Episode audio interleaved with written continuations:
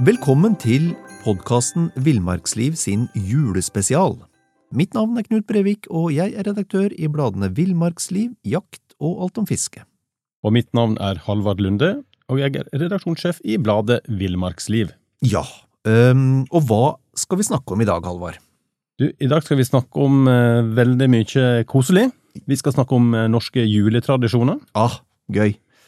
Og vi skal få noen gode juleminner fra, fra noen av gjestene som har besøkt oss i, i, året vi nå er i ferd med å gå ut av. Det er um, Bengt Are Barstad, det er uh, Randulf Valle, Villmarksfamilien, Kjell Harald Myrseth og Marius Nergård Pettersen, for å nevne noen av dem.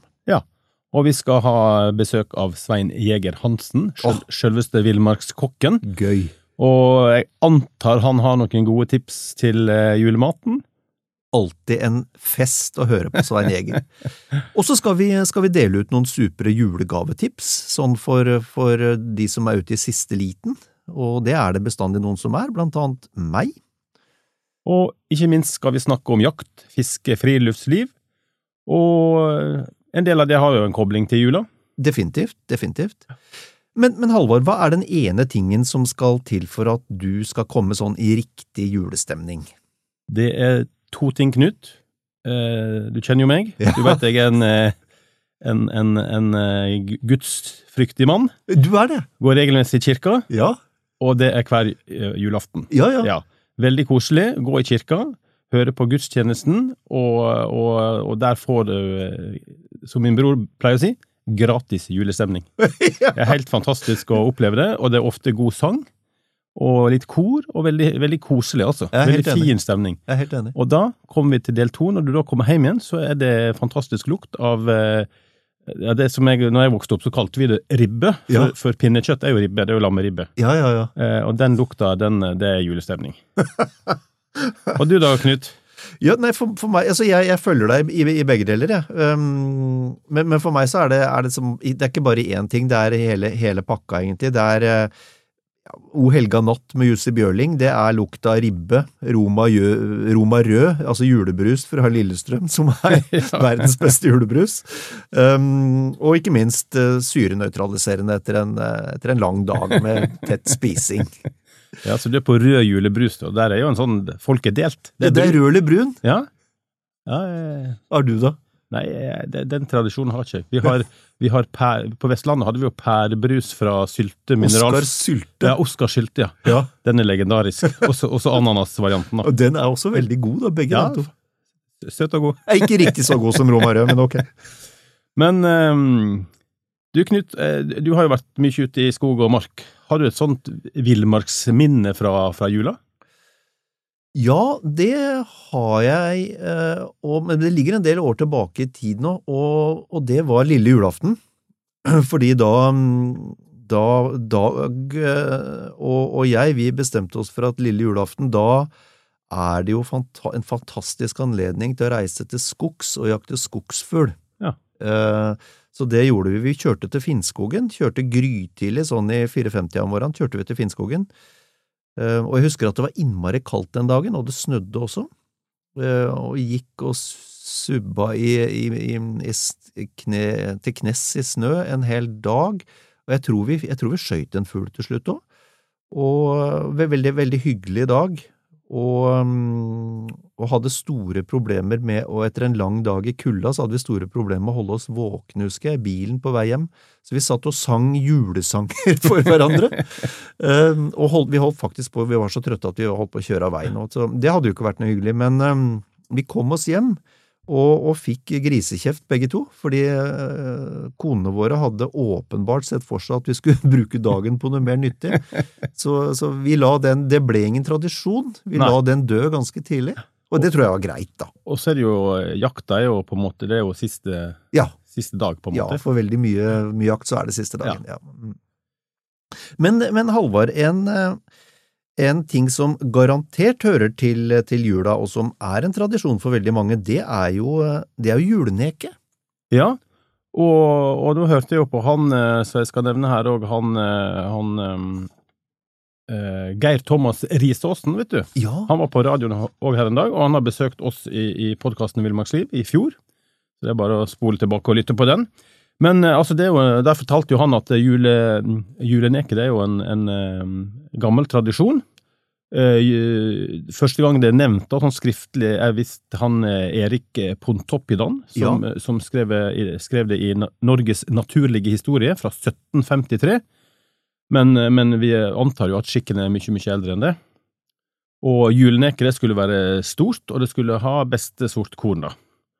Og utover på 1800-tallet så ble jo juleneke et vanlig motiv på, på julekort. Ja. Og på 1700-tallet så, så, fordømte prester skikken, og, og, det gjør jo at en mistenker at det har en kombinasjon tilbake til, altså, eller, eller en kobling tilbake til før kristen tid. Ja. ja.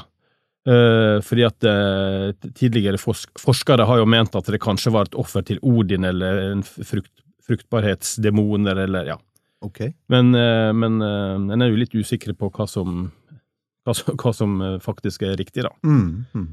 Eh, men det som, eh, det som vi vet, det er at det var faste regler eh, for når juleneket skulle settes opp, og det varierte litt fra plass til plass. Det kunne være tidlig på dagen, midt på dagen, henge høyt i et tre eller på en stake. Og, og han Geir Thomas Risåsen, da, som visstnok er Norges eneste julekonservator, jobber ved Norsk Folkemuseum på Bygdøy i, i Oslo her. Ja. Uh, og han fortalte at man kunne da tolke mye rart ut av det som skjedde etter at neket var hengt opp. No. Så hvis, uh, hvis, det kom spurv og dompap og kjøttmais og flokka seg om neket, så var det et veldig godt tegn. Ja, men, men, hvis de var få og spiste lite, da ble det da uår og, og dårlig kornhøst. Okay. Og, og, det, og liksom kom det store fugler først, som skjærer, og det var heller ikke et godt tegn. Og kom det uh, spurv i neket før det kom på plass, eller var tomt, så var det et varsel om uh, dødsfall i slekta. Akkurat. Så, men altså, min... jeg, altså Jeg betviler ikke at det er mye empiri bak her, Halvor. Men ja. det virker som altså, og unnskyld at jeg er skeptisk, men det høres ut som litt sånn tvilsomme prediksjoner, en del av det her. Ja da, absolutt. Da. Og, eh, og, min empiri er jo at jeg har jo aldri sett fugl i mine nek. nei, men, nei, men Halvard, Halvard altså, så, du, så, det kan jo forklare en del. Ja, men Halvard, du er, du er sunnmøring, ja. og jeg hater å være den som forteller deg det her, men, men brukt nek, det fungerer ikke, altså. Oh ja, så det Finn-kjøpet mitt, det var dårlig? Det er altså. kjempebillig, ja. kjempebillig, men dessverre ikke til glede for fulle. Ja. Får dra på litt i året. Men apropos uh, fugler, hva skal vi fôre med for å få fugler på fuglebrettet da, Knut? Eller fuglematen? Jo, det, du kan fôre med ganske mye, men, men, for å ta det, bare for å ta det først, da, det, det beste er jo å bruke en fôringsautomat. Fordi de, mange har sånne gamle fuglebrett, eh, og de, de har den ulempen at, at, fuglene går jo da rundt og, og, og spiser, og bokstavelig talt skiter i sitt eget matfat. Ja. Og det er ikke noe heldig, ikke minst med tanke på, på eventuelle sånn salmonellautbrudd som, som herjer i bestandene. Men, men, men, men, så langt om det. det. det. du kan fòre med, det er jo, det er jo solsikkefrø, først og fremst, både med og uten skall. Og, og ulike frøblandinger, det, det kjøper du jo butikker. Felleskjøpet, Europris, Biltema. Uh, og de er jo gjerne, gjerne De siste er jo gjerne litt rimeligere også enn en, en, en andre steder. Um, men så er det også noen fugler som ikke klarer å knekke skallet på solsikkefrø, da, og da, da kan du fòre med brødsmuler, du kan øh, fòre med frukt, solsikkefrø uten skall, uh, og, og, og sånn ulike typer meiseboller. Så det som lønner seg, hvis du, hvis du vil eh, ha besøk av flere arter, så lønner det seg med et sånt, hva skal vi kalle det, et variert kosthold da, på, i fôringsautomaten, eller på, på fôringsplassen. Hey, I'm Ryan Reynolds. Recently, I asked Mint Mobile's legal team if big wireless companies are allowed to raise prices due to inflation. They said yes. And then when I asked if raising prices technically violates those onerous two-year contracts, they said, what the f*** are you talking about, you insane Hollywood ass?" So to recap, we're cutting the price of Mint Unlimited from $30 a month to just $15 a month. Give it a try at mintmobile.com slash switch. $45 up front for three months plus taxes and fees. Promoting for new customers for limited time. Unlimited more than 40 gigabytes per month. Slows. Full terms at mintmobile.com. Normally, being a little extra can be a bit much. But when it comes to healthcare, it pays to be extra And United Healthcare makes it easy with Health Protector Guard fixed indemnity insurance plans. Underwritten by Golden Rule Insurance Company, they supplement your primary plan, helping you manage out of pocket costs without the usual requirements and restrictions like deductibles and enrollment periods. So when it comes to covering your medical bills, you can feel good about being a little extra. Visit uh1.com to find the Health Protector Guard plan for you. Um, og de meisebollene de, de består jo stort sett av fett og solsikkefrø, nøtter og, og andre godsaker. Um, og de kan, de kan imidlertid du, du, kan oppleve at, det, at, noen av disse eh, meisebollene du kjøper, eh, er, er, er gamle. For noen av dem så, så vil ikke, vil ikke fuglene spi, spise av i ja, det hele tatt. Det, det har jeg opplevd, altså. Ja. At det legger ut, og det, det forsvinner ikke, altså. Nei. Det er rett og slett må, må ta det vekk. Ja. Og det, det tror jeg at det har vært dårlig, altså. Ja, harskt, rett og slett. Ja, sannsynligvis. Mm, ja. Nei, så um, Men du kan lage sånne Du kan jo lage disse meisebollene sjøl, da. Og smelte delfi av matfett og blande inn solsikkefrø og nøtter. Og så helle det over i en passe, sånn passe stor beholder, for eksempel en melkekartong. Kan du lage vinduer i kartongen og henge opp den. Eller du kan du kutte opp blandingen og, og ha det i fôringsautomaten. Men jeg nevnte frukt, det er jo, det er jo uh, mange som ikke tror det, men, men frukt er, er, det noen arter som er, er, veldig glad i, og tross rødstrupe og, og munk, de er veldig glad i frukt. Så da kan du dele et eple um, og, og, og, tre det på en spiker eller, eller, på en pinne, da. Um, og så nevnte vi brødsmuler, og, det går fint an å, fòre med. Du kan også fôre med havregryn og ris. Og så er det mange som mener at nei, du må ikke finne på å fôre med havregryn og ris, for det svelger opp, og så dør fugla osv. Og, så og det, det, har ikke vi klart å finne noe dokumentasjon på noe sted, så, så det tror vi nok er litt mer en myte. Så det er mye du kan fôre med, og, og for, å, for, å, koke det ned, altså fôr med variert, variert fôr, og bruk gjerne en, en fôringsautomat. Mm. Ok, men fra fugl, ja. Um, det er jo én fugl uh, som er, har blitt selve julefuglen, Halvard, og det er jo, det er jo dompapen. Og hva er det hva, hva, kan vi si om dompapen? Hva spiser den, hvor gjemmer den seg resten av året? Ja, for den dukker jo opp i, til juletid, som, det, som oftest, da, på fuglebrettet. Vi ser den jo ikke på sommeren og sånt. da. Og det, det er at han lever jo i skogen, gjerne tett barskog. Mm. Og, og, den kommer vel eh, fram som en følge av at den trenger mat, rett og slett. Eh, på vinteren når det blir kaldt og, og, og snødekke på eh, bakken og ja. Mm. Den elsker jo frø, den spiser insekt, den trenger protein Mm. eh, om sommeren, og om vinteren så er det jo mindre mat tilgjengelig, og, og da dukker den som sagt opp. Eh, den har et tett og kraftig nebb, den har Mm. rødt bryst, og så kan du spekulere, spekulere i hvorfor den da ikke heter rødnebb. Eh, og i disse woke-tider så er det jo nesten litt ille å kalle noen for en dompapp. Jeg, jeg tror du slipper unna med det. Ja. Jeg tror du slipper unna med det. Men eh, vi har jo snakka om det før her, faktisk, og det, det kom jo av tysk, og det minnet om en sånn katolsk domprost eller domherre Ja, som hadde ei rød kappe, sort kalott, altså sånn hatt, Ja, ja. Og, og ble kalt for dompaff, Ja. i gammel tid. ja, ja. ja. Så derav navnet, da. Eh, på vinteren så er solsikkefrø en sikker vinner, eh, og, og selvfølgelig, som du var inne på, Knut, et variert eh, altså kosthold er bra for alle. Og så, er det jo liksom noen tips for å få fugler til å spise da, av, av automaten, eller fugle... Ja, fôringsautomaten. Mm. Og det, det har jeg erfart sjøl, at de foretrekker de som, de som henger tett på buske, eller inn i buske. Ja. For da har de skjul og beskyttelse. Ja, for det er, veldig, altså du, det er jo det som er, hvis du setter opp en sånn fòringsautomat helt, helt åpent, så blir det veldig eksponert for Ja. rovfugl. Ja. Helt riktig. Og så fins det, en masse sånne fine bur som, som, som der småfuglen kommer gjennom det ytterste gitteret, mens eh, skjæra, da, eller store fuglene, blir forhindra å komme inn og, og forsyne seg. Jeg pleier ikke å anbefale en sånn cirka fem ganger fem Ja. centimeter Cirka det, ja. ja. eh, høl i nettingen, Mm. eller i buret. ja. Og da unngår du også eventuelt ekorn, som kom inn. Mm. Eh, og så er det greit å sette det høyt nok til at eh, katter ikke kom inn. Nå har det jo vært en diskus diskusjon i høst om katter skal begynne å gå i, gå i bånd. Ja, ja, ja. Men det er jo en interessant diskusjon. Ja, de tar jo masse fugl, visstnok, da. Mm.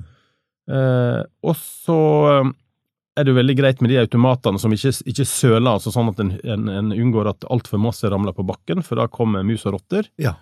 Eh, så, så det er litt eh, greit å tenke på. Mm. Og eh, ja, et variert kosthold, og så er det det å fôre jevnt og trutt, hei, Mm. i hvert fall hele vinteren. Ja. Og enkelte anbefaler jo egentlig å fôre hele året, da, for å venne fuglene til at det, du har mat. Mm. Mm. Eh, og så selvfølgelig er det jo sånne småting som eh, av og til dukker opp, som denne fugleinfluensaen og sånt, og da hører høre på råd fra, fra helsemyndighetene, da. Mm. Mm. Det, jo, det har jo vært litt eh, greier rundt det nå i år, i hvert fall. Og så er det det, eh, Halvard, det, og jeg er helt enig, fòret jevnt og trutt, og, og, og, og gjerne, gjerne hele året for den saks skyld, men i hvert fall, hvert fall vinteren. Men, men jeg har også inntrykk av at det, hvis man for eksempel skal bort på en, eh, en uke eller 14 dager ferie, eller, eller er forhindra fra å fòre en, en stykkeperiode, så bruker ikke disse fuglene veldig lang tid på å lokalisere andre fòringsmuligheter i nærheten, altså. De er, de er veldig flinke til å finne veldig flinke til å finne andre fôringsplasser. Jeg har en sånn vane at når jeg går ut og skal mate, så rister jeg litt. Jeg har en sånn eh, avsagd eh, colaflaske da, Ja, ja, som jeg fyller med, med, med fôr. Så rister jeg litt i den. Jeg har inntrykk av at de hører den lyden, altså. Oh, ja, ser du Og, det? for da er det kvitring og, og litt sånn, altså Jeg tror de varsler, jeg, altså. Det er sånn, du, du- driver med sånn klassisk betinging, du. Ja, ja, sånn som man ja. trener hunder. Ja. Ja. Så nå, nå kommer han, vet du.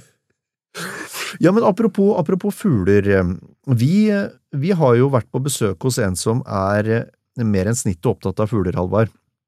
Og som har lagd seg et levebrød av å la andre både se og fotografere noen av de flotteste fuglene vi har, altså kongeørn og fiskeørn. Og jo, vi snakker om fotobonden. Ja. Og vi var jo på besøk hos han tidligere i år, var det vel? Det var vi. Og, og det var veldig koselig. Det, vi snakker altså om Jostein Hellevik og May Lena Knutsen på Dalen Villmarkssenter, er, jo- er jo det offisielle navnet på bedriften. Ja. Eh, Det ligger i Tokke kommune, og på småbruket Døli. Ja. Og han delte jo litt av den stemningen som, som er på gården da, i juletida. Ja, fantastisk hyggelige mennesker. Da kjører vi et lite klipp med fotobonden. I dag er vi på Dalen villmarkssenter sammen med fotobonden Jostein Hellevik og May-Lena Knutsen. Um, en, en julefeiring her, hvordan foregår den, dere? Ja, hvordan foregår den? Jeg, jeg har lyst kanskje til å starte med å beskrive plassen her. Fordi at eh, du kan tenke deg et julekort eller et postkort som skal omhandle jul. Det er det vi bor i. Så der, når vi kjøpte denne gården, så ante vi jo ikke at det var så utrolig flott. da. For snø, det er jo et slags eh, krydder og dekor. Sånn at det, julestemningen er faktisk ganske satt, uten at du har satt opp et eneste julelys, ingenting som helst. Og for oss, når Malena begynner å dra fram med det som hun kaller for julestasje, begynner å henge opp litt grann når vi får sånn et luktelys, kanskje, og så henger vi opp litt av pynt på utsida. Juleneg, for eksempel. Ja. Det passer jo veldig godt inn her. Vi har som regel et par julenegg. Så er den julestemningen, den er satt. Og så hender det at Malena drar fram den der ukulelen, og så spiller hun litt sånn julesanger og nunner litt. Da er det bare helt innertier. Men, men er, det, er det vanligvis det, dere, driver jo, dere driver jo og tilrettelegger for fotografering. For naturfotografer, er det også noe som skjer i løpet av jula, eller får dere fri da? Nei, altså Her er det folk. Det var på julaften eh, da er det ikke folk. Eh, Da kan det være litt sånn familie og, og venner og sånn. Eh, Men ellers så er det folk, og det er vel ingen jul og Altså går det sånn par nek, som man sier, for det først henger vi opp de første nekkene, og så spiser hestene en runde med julenekk. Og så henger vi opp de julenekkene som varer til over jul. Mm, så det Det er alltid, det er alltid litt sånn artige greier. Vi pynter og gjør det så fint som vi kan på utsida. Og så hender det da at, gjeringene ikke holder på hestene, så de springer ut. Og de vet jo at det her er det julenegg, og det er absolutt det første de går til. Så når vi står opp om morgenen, så har vi bare en gjeng med smilende hester, og så ligger juleneggsløyfene de ligger, ligger på bakken. Men, men eh, sånn eh, med tanke på gjester og med tanke på gjestene som vi har, så, så vil det være folk her på julaften òg, men vi prøver å holde julaften ren for oss sjøl, da. Men Mm. det er ønske om at folk vil komme her og fotografere på jul òg. Ja. Så det er jo trivelig og koselig, det òg, men julen er litt grei. Selve julekvelden den har vi lyst til å ha alene. Det skjønner jeg. For jeg bare spør, Hva slags motiver er det primært folk ser etter her eh, i, eh, rundt, eh, rundt slutten av desember? Der har du eh, Dompapen stiller jo en klasse for seg sjøl. Vi har jo masse dompapper. Vi kan få kanskje 50-60-70 stykker ned på, på fòring. Og jeg forbereder denne her, kall det gjerne julefotograferingen, da, i lang tid før det er jul. De, begynner å fòre de ordentlig i oktober og november. Så, sånn at eh, når snøen og dekoren kommer, så er det ikke vanskelig å krydre med sånn, kall det gjerne for fugler, roser. Men julaften vil dere ha for dere sjøl, det skjønner jeg veldig godt. Takk for en hyggelig prat, dere. Ja, det var fotobonden Jostein Hellevik og May-Lena Knutsen, eh, og eh, vi må jo bare understreke at det var jo koselig stemning når vi var der òg. Jeg husker det var veldig glatt. Ja, ja. Men, men apropos både fugler og dyr, altså hvordan klarer dyra seg i, i eh, vinterskogen? De klarer seg egentlig eh, ganske bra, men, men, men det er klart at vinteren er jo, er jo Da går jo, går jo dyra på sparebluss, og, og det gjelder hvis vi starter med elgen, da. Så, så, så den endrer jo kostholdet fra, fra å gå rundt i et digert grønt matfat eh, i barmarkssesongen, så endrer den jo kostholdet eh, fra, fra grønt og til vier og kvist. Eh, Og det er jo et mye, mye magrere kosthold. Så, så, så den slår over på sparebluss og beveger seg ikke så mye, og det har jo litt med snø å gjøre også, naturligvis. Den sparer jo på energi. Eh, Kulda det er ikke noe problem for elgen. Den, eh, den, klarer, eh, den klarer ned i altså 40, 40 minus, 35-40 minus er ikke noe problem for en elg. Er, varmen er et mye større problem om sommeren. Og for hjorten så er det jo, er det jo noe av det samme. Går på sparebluss, endrer kostholdet fra grønt eh, til, til kvist. Du kan si rådyr er vel det, er vel det hjorteviltet som er dårligst tilpassa vinter, snø og kulde. Og, og dels så er pelsen tynnere på rådyret eh, enn eksempelvis hos elg. da. Og, og de tynne beina og de små klaua til, til rådyra, de, de duger jo ikke noe særlig dyp snø. Så, så eh, det, det er viktig at, at vi som, som ferdes i, i naturen, også om vinteren, har, har litt omtanke, ikke bare litt, men har omtanke for dyra, og ikke stresser dem unødvendig. For det er klart, sånn som rådyra, de, de med mye snø eh, og, og, og streng kulde, så sliter de, og i mye snø så, så, så kommer de seg ikke noe særlig av gårde, eh, rett og slett. Og nå var det jo, tidligere så var det jo sånn at vi, vi drev og fôra på fast basis, drev og fôra spesielt rådyr, da, fordi de sliter jo litt med norsk vinter. De, de, de er jo ikke, jo, de er jo ikke opprinnelig noe, noe eh, nordisk vilt, de kommer jo sør fra Europa. Og nå er jo utgangspunktet fòring er jo, er jo forbudt med tanke på, på skrapesyke, eh, og ikke, at den ikke skal sp- spres. Men, eh, men det går an å søke kommunen der du bor om, eh, om tillatelse til det, som kan kalles for en sånn kortvarig nødfòring. hvis det eksempelvis er veldig, veldig store snømengder og streng kulde over tid. Da sliter rådyra, og, og da er det mulig å få tillatelse av kommunen til å fòre. Og, og da vil litt epler, gulrøtter øh, og salat, det kan være det som, som redder dem over kneika. Mm. Og hvis du får tillatelse, så, så er det lurt å spo og, på en måte spre disse foringsstedene, sånn at så mange som mulig av rådyra slipper til. Da. Fordi i annet fall så, så er det jo sånn i naturen at det er den sterkestes rett, så der vil de sterkeste rådyra holde de svake unna. Mm. Um, Men er det, det har jo vært noen sånne situasjoner med hunder og, og båndtvang og litt sånn siste vintrene òg. Ja. Og det er eh, veldig mange kommuner har jo, uh, har jo innført ekstraordinær båndtvang Mm. i sånne situasjoner. Man, ekstraordinær båndtvang, det tenker jeg det er ikke noe man skal innføre i tide og utide, men, men som sagt, i, i perioder ved, med, med veldig mye snø, så, så er spesielt rådyra spilt sjakkmatt. Altså for elgen spiller ikke, den kommer seg fram, men, men, men rådyra er litt sånn sjakkmatt. Så, så ha, det, ha det i mente om vinteren. Eh, når det gjelder hare, så er jo det det er jo i likhet med veldig mye annet småvilt, så er jo hare det vi kaller for et sånt ensesongsdyr. Altså sju, sju av ti, det dør, de dør det første året, og, og derfor så er det viktig for haren å få unger raskt, og gjerne, gjerne flere kull.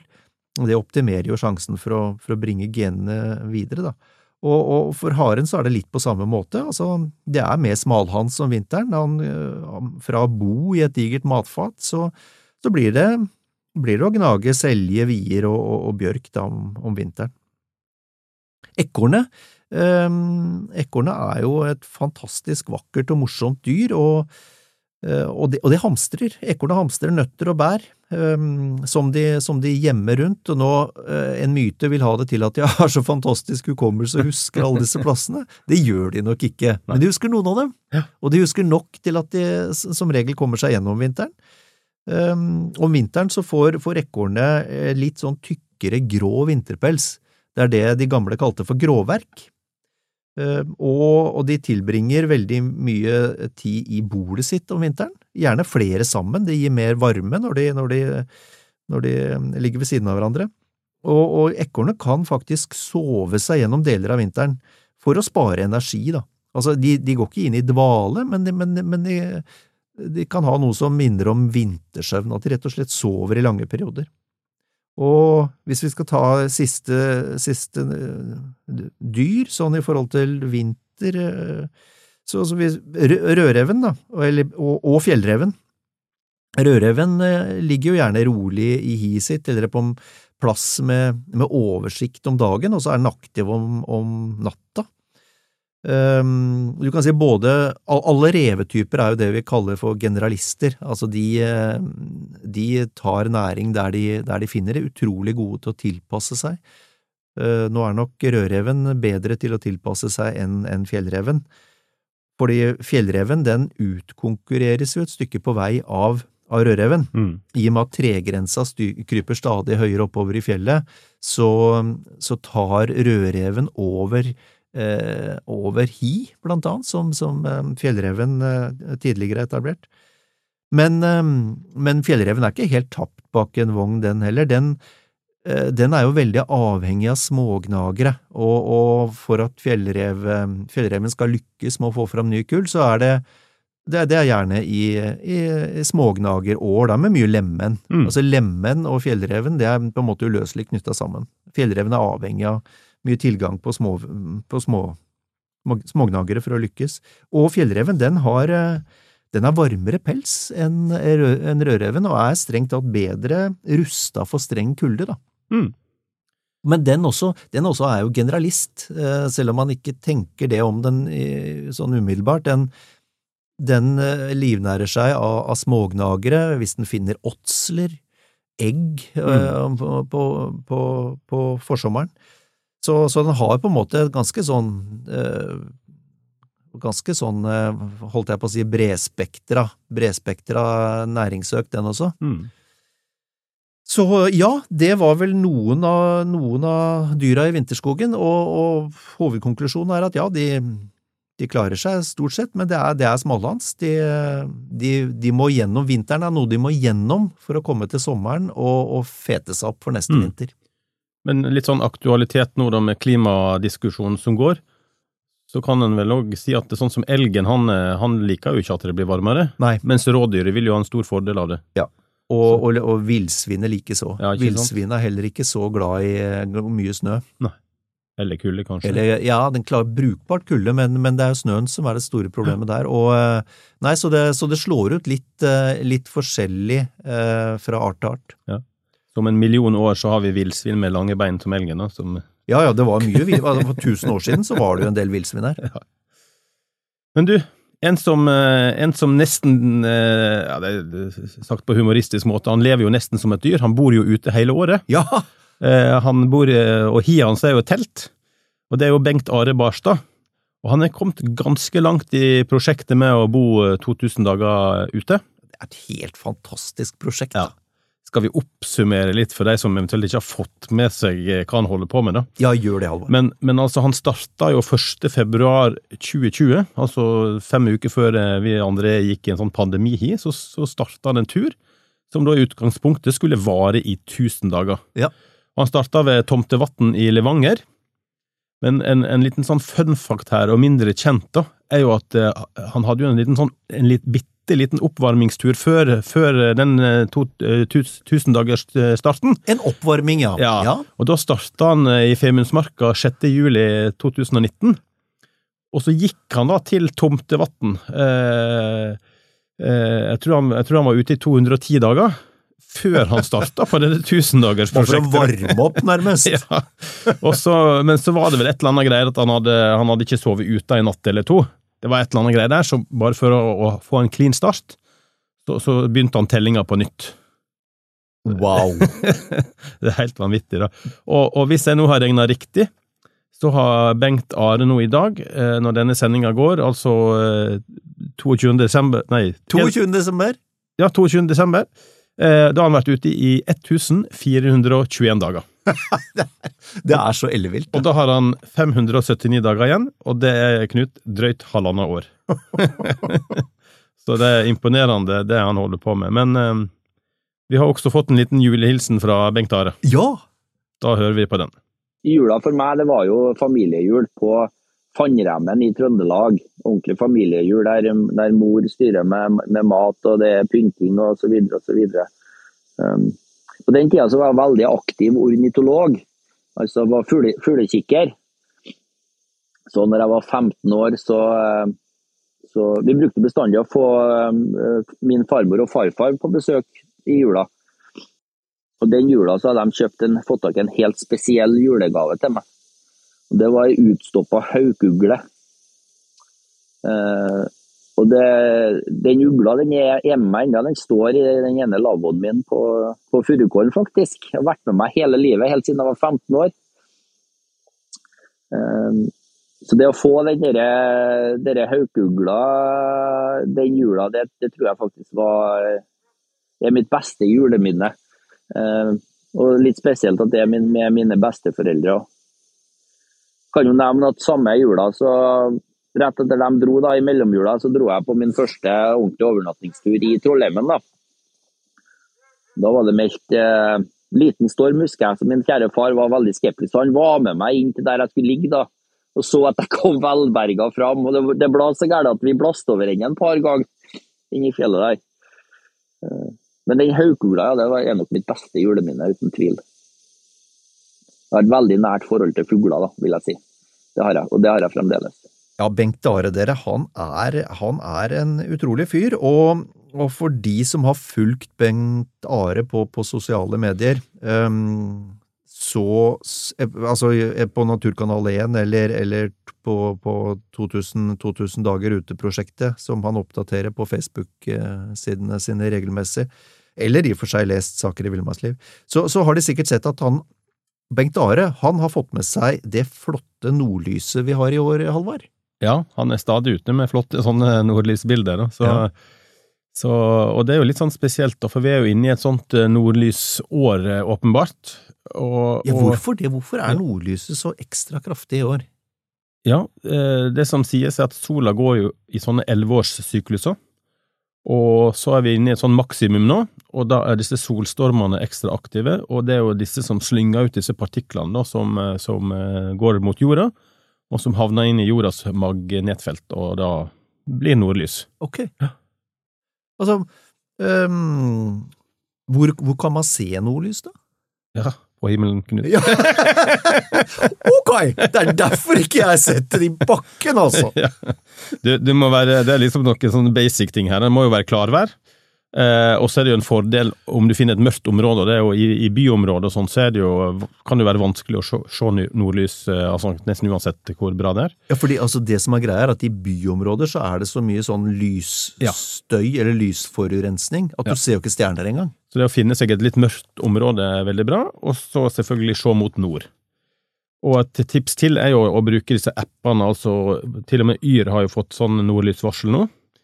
Og så finnes det masse apper, blant annet en som heter Aurora Now, som jeg bruker. da. Der kan Ok. du sette opp varsel på når det, når det er liksom høy sannsynlighet for nordlys. da. Ja vel. Så da kan en jo, de kveldene når en får varsel, kan en jo kikke ut, og eventuelt dra til en plass der det er lite lys, da. Men det, det jeg var Jeg er ikke oppe så sent på natta, jeg, men det jeg hørte, var at det her, her også rundt Oslo for en eh, to-tre uker siden, så var det de som Altså ikke, ikke hvis du kikka rett opp midt i Oslo, men hvis, rett utafor byen, så kunne de se nordlys. Ja da. Og, og på svenskekysten, ned på enda lenger sør, var det nordlys. Bohuslän. Ja. Så, og det har vel vært nordlys helt sør i Italia faktisk òg, så det, det kan være veldig kraftig. Også. Du verden. Men, eh, men det finnes jo en del morsomme myter om eh, nordlys, da, Knut. Jaha. Altså, for eksempel nazistene trodde jo at det var et nytt radarsystem. Gikk det i hvert fall en, eh, Om det er en myte eller om det er sannhet, jeg vet ikke, men det var sagt. Ja, sagt. Og så blir det jo sagt at eh, barn født under nordlyset blir vakre, smarte og lykkelige. Ja, altså, eh, jeg mener å huske at jeg ble født under nordlys. Ja, ja. Jeg vet ikke med deg, Halvor, men Og nei, det jeg tviler på det, altså. Eh, også i norrøn mytologi da, så trodde en at, eh, at nordlyset var bifrost, altså da brua mellom Åsgård, Åsgard og Midtgard. ah, Og andre har liksom sagt at det er lyset fra Valkyriens skjold. Ja. Og så samene har jo et eget ord for, for nordlyset, som jeg, jeg tror ikke jeg skal prøve å uttale det. Nei. Men eh, oversatt til norsk så betyr det det hørbare lyset. Ah, Men det som er spesielt her, at i rommet så er det jo, så er det jo ikke lyd. Så hva det kommer av det, om det er en, en sus i, Ja, ja. i, i, i Når en ser nordlys, er jeg usikker. Huh. Og så litt, litt fakta. Det er han Kristoffer Hansten, norsk astronom. Han var den første som fant ut at nordlyset alltid, alltid går i en ring rundt nordområdet, og det fant han ut alltid i 1827. ah, for snart 200 år siden. Ja. Ja. Du verden.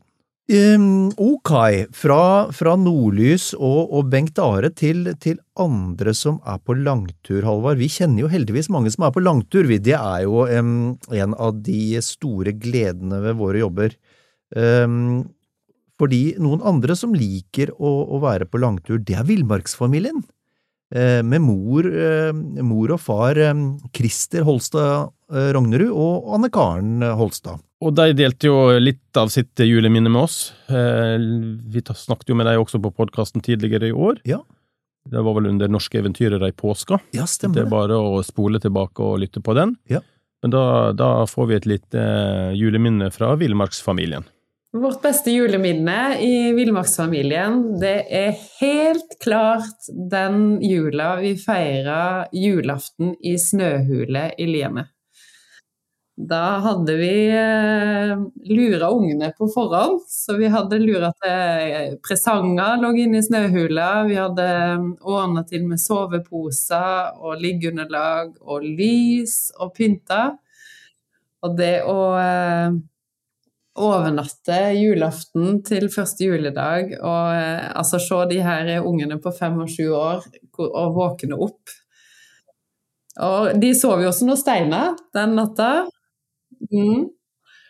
Og, Nei, det, det, det, vi var jo med og bygde snøhula. Vi laga ei sånn snøklokke, som det heter. mm. Vi laga en stor haug da. eh, først eh, kvelden før, og så fikk den ligge og harden. da. Og så grov vi var med og grov ut ei stor snøhule. da.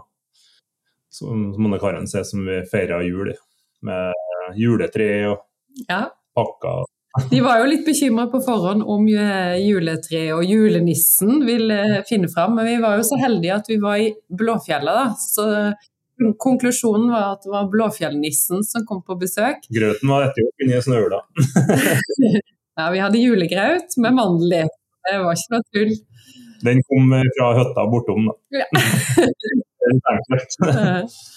Men jeg tror kanskje det, det som vi opplevde når vi var Vi var jo en måned på tur når vi, var, når vi overnatta i den snøhula. Det var at det å gjøre unna julestresset på forhånd pakka alt og ordna alt. Og så når vi var på den hytta og feira i snøhula, så var det ikke noe stress. Mm. Vi, vi hadde alt vi trengte, og det vi ikke hadde, det måtte vi leve med at vi ikke hadde. Ja, for vi hadde jo hytte som utgangspunkt, vi òg. Så vi på en måte gikk noen hundre meter bort til den snøhula, og så feira vi jula der, og så julekvelden, da. Og så overnatta vi. Så det må ikke gjøre så høres litt sånn voldsomt ut å feire jul i snøhule, men du trenger ikke gjøre det voldsomt. Du kan, eh, du kan egentlig gjøre det på mange forskjellige måter. Men jeg tenker, uansett så sier vi ja til mindre stress og mer kos. Det, det jeg syns, Halvor, uh, det er at det er veldig, veldig inspirerende å se at det er mulig å tilbringe så mye uh, kvalitetstid ute i naturen, både med og uten barn, sånn Mm. som villmarksfamilien. Ja, De har på liksom, en måte, de har på en måte, de lever prosjektet sitt. de. absolutt. Men du, ehm, apropos, altså Christer skriver jo, er jo en av våre gode og, og dyktige frilansere, Det er han. og fotografer ikke minst. Eh, og, og når vi først er inne på det, eh, har du en sånn favorittsak fra, altså, for folk som eh, vi gir ut Villmarksliv, eh, jakt og alt om fiske? Ja. Har du en favorittsak fra, fra bladet våre? Ja, jeg har mange, jeg har mange men, uh, men det, det er spesielt én som renner meg i hu når du spør, og, og det er en sak fra jakt i året som gikk. Og, og, og den ble skrevet av, av Snorre Bjerkholt, fremragende mann fra, fra Østfold, som, som skriver mye for jakt. Og den, den het, uh, saken het Når 2,8 kilometer blir for langt. Og det den artikkelen dreier seg om, det er altså eh, Snorre, Snorre er, eh, er lærer på videregående. Han eh, underviser blant annet i eldre historie, og da tar han fra tid til annen med seg eh, elevene på tur til noen bronsealdergraver som ligger altså 2,8 kilometer nord for skolen der han jobber. Og det Snorre opplever, er at det, det blir stadig flere av hans elever som ikke klarer å gå den turen på 2,8 km på sti og vei. Altså, det blir for fysisk krevende, og eh, han opplever at de gråter, og det om ikke bryter sammen, så blir det Altså, det, eh, man skulle jo tro at det å gå 2,8 km var, var løsbart for unge mennesker, men det er det åpenbart ikke lenger, altså. Og, og det, det, det, det Snorre skriver, det er at mange har veldig, veldig mye skjermtid.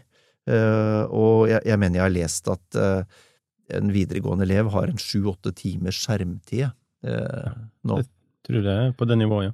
Og, og, og at det er litt sånn enten-eller. Noen er i veldig god fysisk form og trener hele tida og er på en måte superform, og så har du veldig, veldig mange som er i elendig form, Øh, og, og som da ikke klarer selv de mest beskjedne fysiske utfordringer. For det er klart, for en 16-17-åring så er jo det å, det å gå 2,8 km er jo en beskjeden utfordring, vil jeg våge å påstå. Det er jo en liten time i rusletempo Ikke sant? Ikke sant? vi snakker om her. Ja. Så, så, så det, det, det Snorre tar til orde for da, i, i den artikkelen, det er jo eh, at man rett og slett etablerer et eget fag kalt friluftsliv, allerede fra barneskolen, altså ut videregående, for å bygge litt for å bygge litt sånn trygghet i, i naturen, da, bygge mestring, selvtillit, og ikke minst bedre, bedre fysikk. Og, og det er jo en Det er jo i og for seg ikke noen ny tanke, men jeg, jeg tror det er en veldig god tanke. Nå jo, har jo elevene massevis de skal gjennom, og det er jo tette, tette undervisningsplaner. Men, eh, men jeg tenker det må være en, en, eh, en viktig eh, verdi også sånn nasjonalt for Norge at de som vokser opp i landet, eh, føler seg trygge i, i naturen vår, altså. Mm. Og, og du da, du da, Halvard? Eh, Hva er, hvis du skal trekke fram eh, en sak eller to, hva, hva tenker du? Ja, du, jeg har tenkt på en sak som, eh, som vi kanskje har faktisk litt for lite av i Villmarksliv, men leserne liker det veldig godt, for vi har jo sånne leserundersøkelser, så vi får jo en viss tilbakemelding på, på hva som er bra og mindre bra. Ja, Og vi kaller det for forvaltningssak, da. Det høres jo veldig kjedelig ut. Litt sånn, ja. Det høres fylkeskommunalt ut! ja. Men i nummer én i år så skrev Tom Shandy eh, om eh, rettens velgjørere. Ja, Og her skriver han rett og slett om, om stamfiske og utsetting av eh, ørret i Finnemarka, det er det i Drammensområdet, da. ja, ja. ja. Og om jobben som da Drammens Sportsfiskere, som det heter, en forening, eh, gjør for at friluftsfolk som oss skal ha, få tilgang til eh, fiske i faktisk 168 vann i det området. Mm. Og det liksom, tenker at det er en veldig sånn eh, imponerende innsats, og en viktig innsats da, for, for friluftslivet. Det at vi kan ta med fiskestanger og, og i nærmeste skog, og faktisk få eh, mat vi kan legge på bordet. Altså. ja, ja, ja. Ja. Og, og det, det, eh, det, er jo en fin anledning til å, til å rette en eh, ektefølt takk til alle de som bidrar i den type dugnadsinnsatser rundt ja, om i Norge. For det er dugnad. Ja, for det er dugnad, altså. Ja. Uh, og, og, det er um, det, Altså, dugnad er jo et uttrykk som på, på sett og vis er i ferd med å bli litt pervertert. Man legger alt mulig inn i det. Men, men dette er klassiske dugnader. Mm. Uh, og, og, et veldig godt eksempel, men det er jo den type saker, det er jo, kan du trekke fram fra hele Norge. Mm. Folk stiller opp på fritida og, og, og yter, en, yter, en, ikke ubetydelig tidsmessig skjerv mm. eh, for at andre skal oppleve fine ting. Fantastisk. Ja, det er verdt å skryte av. Og apropos skryt, Knut. Ja. Er det lov med litt sjølskryt? Det er det som kommer fra hjertet, det det fra hjertet, Halvor! Nei, eh, jeg, må, jeg, har lyst til å trekke fram eh, en, en, en sak som, eh, som, jeg på en måte fikk et tips om faktisk fra en lytter. Jaha. Og det var om en person som heter Elge Johansen. Og, og, der er det skrevet en bok som heter På spor av Elge Johansen av, av Torbjørn Wahlstrøm og Helge Markussen. Og De var nede og, og besøkte, og fikk tatt, et, tatt en podkast med. Og, og, det endte opp i en, en artikkel da, ja. i Villmarksliv. Og, og, veldig artig historisk sak om en person en, en, som levde et veldig originalt liv. da. Hadde masse huler nedi i Skien-området. Ja, ja, ja. Eh, og, og jobba på, var raller, jobba på jernbanen, og, og ja, bodde vel Hadde vel ikke ordentlig arbeid skulle du si, de siste 50 årene han levde. Nei. Men, eh, men ble tatt vare på av lokalbefolkningen og, og ja, drev litt tjuvjakt på elg. og ja, det, var, det er en fantastisk historie. da. Han hadde et veldig liberalt forhold til, eh, til jakttider, blant annet. Ja da. ja da. Så, eh, så litt sånn skryt òg til sånne, sånne lokalhistoriske forfattere da, som trekker ja. fram sånne folk som kanskje ble sett på som litt sånn originaler. da. Det er morsomt, det er morsomt med liv som ikke er helt A4. Ja, og så i løpet av året også, eller det var egentlig i fjor jeg oppdaget det, da, men eh, for jeg skulle skrive en liten notis om han som hadde liksom funnet opp sølvkroken, eh, altså denne, denne Classic nummer 40 som alle har. Og så fantes det veldig lite om han, da. Og der da fikk vi jo spora opp eh, noen barnebarn, og fikk laga litt podkast, og, og fikk, eh, fikk, rota fram litt informasjon som, eh, som eh, vi ikke visste om før, i hvert fall. Og, ja. og lagde både podkast og, og, en sak av det. Og det er jo liksom en, en morsom sak, for den, den kroken er jo eh, Classic nummer 40 blir vel snart 100 år. Mm. Sånn den er, og den er jo like bra. Mm. Mm. Så det er en liksom veldig morsom historie. da. Og det, det er jo det som er litt gøy, Halvard. Altså dette med jakt, fiske, friluftsliv, natur, det, det, er en så viktig del av norsk kulturhistorie, og det ligger så mange historier ja, der. Så det er, det er, på en måte en sånn skattkiste å, å, forholde seg til. Mm. Men Knut, gode reportasjer og godt innhold er jo det vi lever av, og, og, og, og selve jula handler jo egentlig om godt innhold òg. Ja. Altså, vi har vært innom det religiøse, men barna er, jo, er jo det, og kanskje for oss voksne, det er jo pakkene som er høydepunktet. Ja. Og så kanskje du har noen sånn For vi er jo mange som ennå ikke har begynt å tenke på julegavene, og begynner å få litt panikk. Ja. Har du noen sånne kjappe tips for å komme i mål? Ja, eh, jeg har flere. Um, og det er fra det helt opplagte. Det er jo selvfølgelig et abonnement på bladene våre. Um, hvor vi, hvor, vi, hvor vi månedlig skriver om jakt, fiske, friluftsliv, dyr. Ehm, men så veit vi også det at det er, det er, mange som sliter økonomisk i disse dager. Det er dyrtid, mm. Eh, og, og, renta stiger, og strømprisen fyker til værs. Eh, det skal vi ikke snakke om, for da kjenner jeg det engasjerer meg veldig. Men, eh, men i hvert fall, det går også an å gi bort gaver som ikke koster veldig mye. Og det kan for eksempel være å gi bort en opplevelse. Altså hvis du er godt kjent i et område, for eksempel du veit hvor i området det er orrhaneleik om våren, mm. så gi bort en tur da, på, ja. på orrhaneleik. Kan du vise hvor det er, du kan være guide, eller bare ta med noen ut på, på en tur en søndag. Altså fyr et bål, ta med en, en eh, kaffekjele, noen brødskiver med, noe, med noe ost. Det trenger ikke å være så avansert, og en flott gave. Mm. Altså, kan du gi, hvis du er engasjert og ivrig jeger og fisker, kan du gi bort gaver som blir borte, altså mat og drikke. En, en elgsteik, for eksempel, ørret, sopp, en, en liter eller to med bær, blåbær, molte, det er jo alltid velkomne gaver. Absolutt. Um, også, også, for det er, dels er det, er det, jo, er det jo mange som ikke, ikke, er mye ute i naturen, jakter, fisker, sanker, plukker bær. Uh, og for dem så, for dem så er, vil jo slike gaver være, være altså ikke tilgjengelig, da, i utgangspunktet. Flotte gaver. Um, det går også an å invitere venner eller familie til en middag, for eksempel hvis du har noe selvskutt vilt eller selvfanga torsk. Det er flott gave. Eller um, du kan gi bort en kveld på Leirdubanen med, med 25, en 25-skuddsrunde eller 50-skuddsrunde hvis du vil uh, flotte deg, hvor enten du kan instruere hvis du føler deg kompetent til det, eller, eller, eller få en uh, kompis til å instruere, eller, eller, rett og slett leie en instruktør. Da må du jo betale litt, men, men likevel. Du, du, kan gi bort eh, deltakelse på et kastekurs med flue. Altså masse, massevis av, eh, av muligheter her. Mm.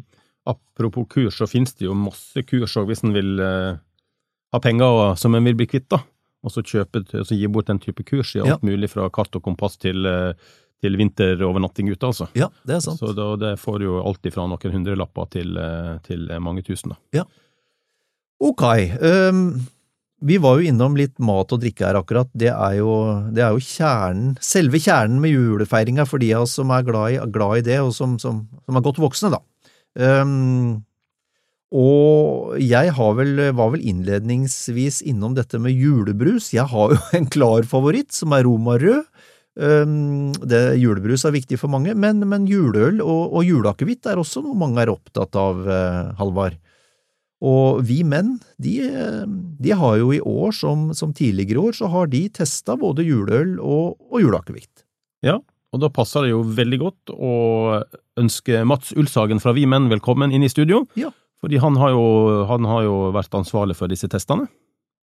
Da skal vi koble på Mats. Ja. Da ønsker vi kollega Mats Ulshagen i Vi Menn velkommen. Og, og Mats, dere i, i, Vi Menn, dere har testa både juleøl og akevitt, dere? Det er helt riktig. Vi har jo den tradisjonen med det. At vi at vi går gjennom årets eh, juleakevitter og årets juleøl eh, ja, litt i forkant. Så vi gjør den grovjobben der, da. Så alle andre skal få lov til å skippe å Det er en møkkajobb. Det er en forferdelig jobb. Særlig dagen etter, men Nei da, det er veldig gøy. Det er, vi har da Tradisjonen vår er jo at vi da tester disse juleølene som kommer fra de store bryggeriene. Altså fra Ås og Ringnes og Hansa og osv. For det er jo de man får overalt. Men så gjør vi også en liten sånn uh, mikrobryggeri-test. da, sånn at, uh, Men det er jo mer sånn geografisk bestemt. Så vi drikker oss gjennom da en 80 øl Oi. og en 25-30 akevitter ja. før hver. Og så peker du ut meg, da, som den tørsteste gjengen, tørsteste gjengen der inne, så, som, som, tar ansvaret for dette. Men, men, når det gjelder juleøl, hva, hva, er dere, hva, er det dere, vurderer? Hva ser dere etter? Hva, hva poeng gir dere? Eh, når det gjelder juleøl, så er det jo, det er jo eh, Egentlig sånn historisk sett så skal det være sterkt. Det skal være mørkt og, og sterkt, eh, og det skal være poløl. Så vi, vi smaker jo på butikkølen også, men, men det, du skal på en måte Du kjenner at du drikker øl, da. Så, så, vi har på en måte skåret litt gjennom og sagt at ok, det er noen gode butikkøl der, men de aller aller beste variantene er jo Da skal du litt opp i prosent. Det skal være Det skal smake mørkt og kraftig og ja. Så, så ja, vinnerne var jo Altså to av de fire som fikk seks, er jo julebukk, som er den aller sterkeste. Mm. 9 eh, Man sier jo man, Det holder jo med ett av de glassene der til en middag, julemiddag. Mm en av de flaskene. Eh, men, men, den kan du på en måte porsjonere. Da har du et par gode glass som går veldig godt til mat, og som, er, eh, som du kan nyte. Og ja, for vi snakker fet mat her, ikke sant? så ja. det må være litt trøkk i, i juleølen. Det er nettopp det. sånn at du eh, et glass med, med en julebukk fra Ringnes eller Mack, da, så, så da, da, da, gir noe mye mer enn Det er ikke bare noe du drikker til, det er noe som på en måte gir noe ekstra til måltidet. Mm. Som, så, så, nå nevnte jeg to av de som har fått seks, da. Uh, og det er jo da bukkene til uh, bukkene brusene til Mack og Ringnes, som er veldig gode. Veldig mye sødme, veldig mye Du sitter liksom og Ja, får lyst på mer, så, så holder det med én også. For du, etterpå så er du, litt sånn tung i magen av det også. Eh, litt, Hvis vi går litt ned i prosent, så er jo Ås er jo alltid gode. Ås og Mack er vel egentlig vinneren i år. Nesten alt de lager blir bra, til og med hvis du må bort på light-ølen, som du egentlig ikke må. Så, så lager de også en ok øl, da, som er i light-varianten. Eh, men også de vanlige, til og med butikkølene deres, er scorer jevnt over bra, da. Eh, og så har vi så har vi Nordlands, som vant butikkølklasse. Nordlands eh, juleøl. Det er jo Ringnes som lager jo halvparten av ølet i Norge. Så alt blir jo lagd på Gjelleråsen fra Ja, men, men, det er jo på en måte de har jo opprettholdt de gode, gamle smakene. De skal jo leve opp det. Og Nordlands i år var veldig god, mm. av butikkølstyrke, da. Men når du sier light, er det i form av uh, alkoholprosenter, eller? Nei, det det er, jo disse karbofrie. Karbofrie, ja. ja. ja. Så det er jo det var, slankøl? Ja, slankøl. Ja. altså det er jo hvis du altså det, er, det noen tidspunkt på året hvor du skal, kan droppe den, uh, lightølet, så er det jo nå, da. Men, uh, men, uh, men selvfølgelig. Det, det, er jo en klasse, det også. Det, det er sånn fem-seks stykker på markedet. og ja, Ingen av de skårte seks, da, kan vi si. Så. Og det er aldri det du spiser mellom jul og nyttår du legger på deg av? Det er riktig. Det er resten av året som er er det liksom, ja, som sagt, er det et tidspunkt på året hvor du kan skeie ut, så er det jo nå. og Da, da syns jeg vi heller skal gå for eh, noe polstyrke og karbofulle øl. så, mm. Bra. Eh, og når det gjelder, når det gjelder den lille, lille, blanke til, til ribba, da, eller pinnekjøttet, akevittesten? Ja, der er jo Altså, akevitt er jo en, en, eh, tradisjon i Norge som er 490 år, tror jeg, i år. Uh, så vi har jo vært flinke på akevitt i mange år, men først sånn på 80-tallet så var det en som heter Halvor Høek, som, som tok akevitten opp fra liksom den fyllik-spriten. det var Vodka og akevitt var sånn noe du drakk for å bli full, mens whisky og konjakk og sånt var sånn forfinet. Så han mente jo det at akevitt er jo norsk, det er jo noe vi kan være stolte av og som vi burde trekke opp. Så han begynte å lage juleakevitt på 1980-tallet, tror jeg. Så, og det skulle være noe sånn Og det ble sånn opphevet til noe litt bedre, da. Og det, i dag så er det jo jeg tror det er eh, i hvert fall 30-40 juleakevitt som blir laget hvert eneste år. I tillegg til at vi har jo mange hundre akevitt på polet. Eh, som er norske. Og det er jo, har jo blitt en mye mer sånn classy drikke, da. Sånn. Og veldig stolthet knytta til det, legger jeg merke til. Altså, det, alle, det, er nesten ikke et tettsted som ikke har sin egen akevitt. Nei, det er helt riktig, og det, og det er jo veldig bra. Altså, alt er jo lagd på potetsprit fra Gjøvik, men, eh, men, det er jo hvordan du krydrer det, og, hvordan du, og, og der har man massevis av tradisjoner, og, og, veldig mange veldig flinke folk. da. Eh, Halvor Høek er jo én som holder på med Nå er han på noe Atlungstad oppe ved, på Stange, rett ved Hamar. Og der lager han veldig spesielle ting, da. Mens, eh, mens liksom de tradisjonelle de er jo der fortsatt, men, men akkurat Atlungstad er veldig spennende. Så har du Det Norske Brenneri i Grimstad, som er han Norges eh, bigamist, han Hva heter han igjen? Bertelsen? som var en konjakkonge og gift med to damer, som noen vet om. Og superhyggelig fyr.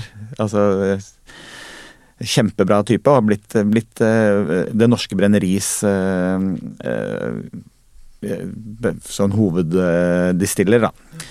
Og han lager noen fantastiske akevitter. Blant annet en som skårte veldig høyt i år, som han har lagd med Hellstrøm, som heter Hellstrøms juleakevitt. Som er altså perfekt til eh, julemat. Den Superbra. Og det er veldig ofte når man setter et sånt kjendisnavn på en mat eller drikke, så er det jo ofte litt kleint. Men når det gjelder Hellstrøm, altså det er jo som sagt det er potet, potetsprit uh, som uh, skal på en måte tilsette smak, og da er jo Hellstrøm har vært, er jo, kan, kan jo demme smak. Så han har lagd en veldig god akevitt til, til, julemat, da. Mm. Men så er jo på en måte også juleakevitt forskjellige områder. Du har jo noen som passer bedre til eh, lutefisk, forretter, og du har noen som passer veldig godt som en avec. Eh, vi snakket om konjakk i stad. Jeg mener jo at konjakken kan du bare hive ut, skylle ut eh, først og sist, og så bytte ut med en god eh, avec-akevitt. Du har f.eks.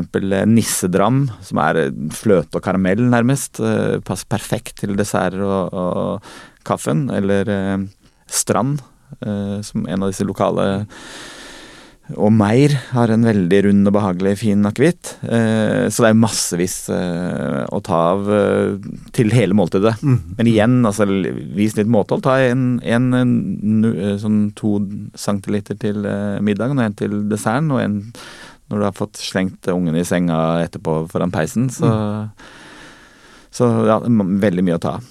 Men den som vant i år, er jo da en som heter Simers. Bohemens uh, juleakevitt. Og det Simers var den gamle akevitten man drakk i Oslo. eh, Den på som var klar. Ja, den var klar før, og det var jo det var jo den som alle drakk i Oslo, eller Kristiania, på 1800-tallet. Og, og den fikk en ny den, de 2021, tror jeg, så bestemte seg for at de skulle lage en ny en. Og da tenkte de at ok, Oslo, Simers, vi kaller den Bohemens, da. Så de var inne på tanken å putte eh, absint, eller blande oh, ja. noen absintvarianter der. Men så fant de ut at de skulle heller bruke eh, kaffe, kaffebønner. Som har en litt sånn kaffesmak, passer veldig godt til eh, etter middagen. Og ja, en supergod akevitt. Så eh, Men alle disse jeg har nevnt nå, har, har, var jo terningkast seks. Jeg tror det var seks stykker som fikk terningkast seks. Man kan gå inn på vimen.no og finne, finne hele lista. Ja. Men det var veldig veldig gode akevitter. Og som sagt, da, noen som passer godt til middag, noen som passer godt til, eh, til dessert, og, og noen som passer godt til alt. Så, og Simers eh, er sistnevnte. Den er god i alle, alle måltider og hele dagen og hele jula. Fabelaktig. Men var det noen overraskelse her i disse to testene? Ja, jeg vil si at Eller nei. altså Overraskelsen er vel kanskje hvor høyt nivået er, Ja. spesielt på akevitt. Altså, sånn, det var jo Jeg tror det var, vi var nede på ternekast to én gang, og på tre kanskje to ganger eller sånn, og resten var altså klokkereint eh, på øvre halvdel av skalaen. Um, og, og, og også det at uh, det, er, det er mye mindre tull. Altså Før så kunne juleøl være alt mulig rart. De putta noe bakst oppi der. Og, var sånn. Men nå er det liksom, nå er det reine, klare altså, Mørke, gode juleøl, liksom. Og, det, og akevitt også har vært sånn Du, du har lagd en sånn spesial, den skulle smake bare godt i lutefisk. Og det var veldig sånn før, men nå er det mer sånn Nå lager de allround akevitter som er eh, så overraskende så er vel egentlig at nå, har- nå har det på en måte gått bort fra en del av det der eh, klovneriet som har vært tidligere. Men da tenker jeg eh, vi, vi må jo bare takke Mats og co. for at dere gjør denne jobben. Det er som sagt en, det er en hard jobb. En tung, tung jobb. Men noen må gjøre den. Og jeg kommer nok til å gjøre det neste år også. Og dette kan leses i Vimen, naturligvis. Ja, absolutt. Vimen.no eller eh, i Vimen eh, Ja, det er vel eh, bladet forrige nummer, da, så da må man inn på nett. Men det, der finner du den. Hey, I'm Ryan Reynolds. At Mint Mobile, we like to do the opposite of what Big Wireless does. They charge you a lot, we charge you a little. So naturally, when they announced they'd be raising their prices due to inflation, we decided to deflate our prices due to not hating you. That's right. We're cutting the price of Mint Unlimited from $30 a month to just $15 a month. Give it a try at mintmobile.com slash switch. $45 upfront for three months plus taxes and fees. Promo rate for new customers for limited time. Unlimited more than 40 gigabytes per month. Slows. Full terms at mintmobile.com. Every fan knows the right player in the right position can be a game changer. Put LifeLock between your identity and identity thieves to monitor and alert you to threats you could miss. Plus, with a US-based restoration specialist on your team, you won't have to face drained accounts, fraudulent loans, or other losses from identity theft alone. All backed by the LifeLock Million Dollar Protection Package. Change the game on identity theft. Save up to 25% your first year at LifeLock.com slash aware. Veldig bra. Takk skal du ha, Mats. Takk skal dere ha. Ålreit. Um, fra, fra sterk drikke til god mat, Halvard. Hva, hva står på menyen på julekvelden hos dere? Ja, det avslørte jeg jo egentlig i stad. Det, det. det er pinnekjøtt, Ja. altså lammeribbe. Ja. Og så har vi alltid dampepølse. Hva er dampepølse? Ja, veldig godt spørsmål, fordi at det er rett og slett en rå pølse som du må dampe eller eventuelt trekke, da.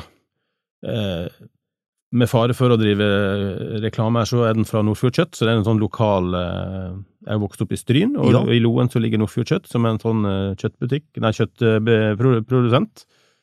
Og de lager en sånn råpølse, og det tror jeg har vært samme oppskrift i alle år. Veldig god. Okay. Må dampe en 40 minutter, og, og smaker veldig, veldig godt, altså. Og, men i år har jeg jo fått et nytt tips, for jeg har vært på to sånne pinnekjøttlag, og, og på begge så har jeg fått servert poteter som har Altså istedenfor rist eller pinner i bunnen av pinne i kjelen Ja, for det er vel det vanlige, er det ikke det? Det har vært det vanlige, ja. Så har vi fylt bunnen med potet, Å ja. ja, og så pinnekjøtt eh, over, og så blir de potetene liggende da i, i rett og slett i ribbefettet. Og, og, og det utrolige er jo at sjøl med sånne, sånne mandelpotet, altså de koker jo i stykker bare du ser på det. Ja, ja. men, men eh, sjøl om de har ligget tre timer nede under pinnekjøttet, så var de i, i komplett eh, tilstand når du tok deg opp, altså. Altså, de, de er metta av fett, de. Metta av fett! kan, det bli, kan det bli bedre? Så det har jeg tenkt å prøve, prøve i år også. Om, Ja, ja, ja. eh, Mulig at jeg må koke noen potet ved siden av, for sikkerhets skyld, men, eh, men også har jeg jo lært Jeg er så gammel at jeg har gjort alle feil, inkludert å vanne ut pinnekjøttet altfor kort. Ja, for da blir det gjerne litt salt. Da blir det, det? veldig, veldig salt. Ja. Du kan redde det litt, altså hvis du har glemt det, og så våkner opp på julaften og så finner ut oi, så kan du liksom la det ligge i rennende vann eller skifte vann ofte, så kan du jo berge det, da. Men, men ofte har det jo vært anbefalt tolv timer, men nå i det siste året har jeg brukt både 24 og 36 timer, og min erfaring er at det blir mer mørt til lenger det ligger i vann. Så, og, og det her med å skifte, skifte vann og sånt, det, jeg skifta vann én gang, og Ja. det pleier å bli passe salt. Du verden. Og du da, Knut?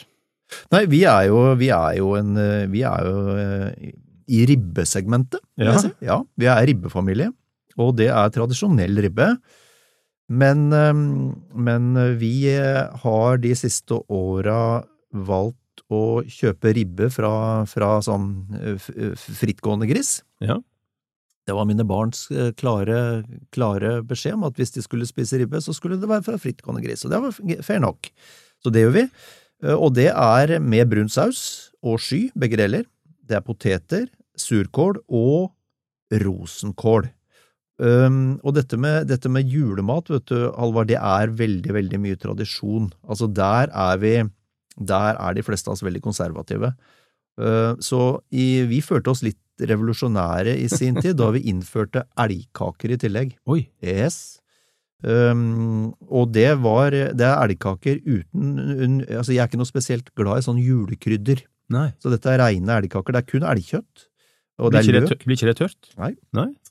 Uh, det det blir tørt bare hvis du lar det stå for lenge oh, ja. i ovnen. Uh, kun elgkjøtt, løk, finhakka paprika, salt, pepper, fløte og så litt egg for å binde. Mm. Og, og hemmeligheten er å ikke la det stå for lenge, for da blir det tørt. Det må være akkurat sånn at det ikke er rødt inni, Ja. men akkurat grått. Så blir det nydelig. Og da har vi på en måte litt sånn, litt sånn binding til Altså, jeg jakter jo elg.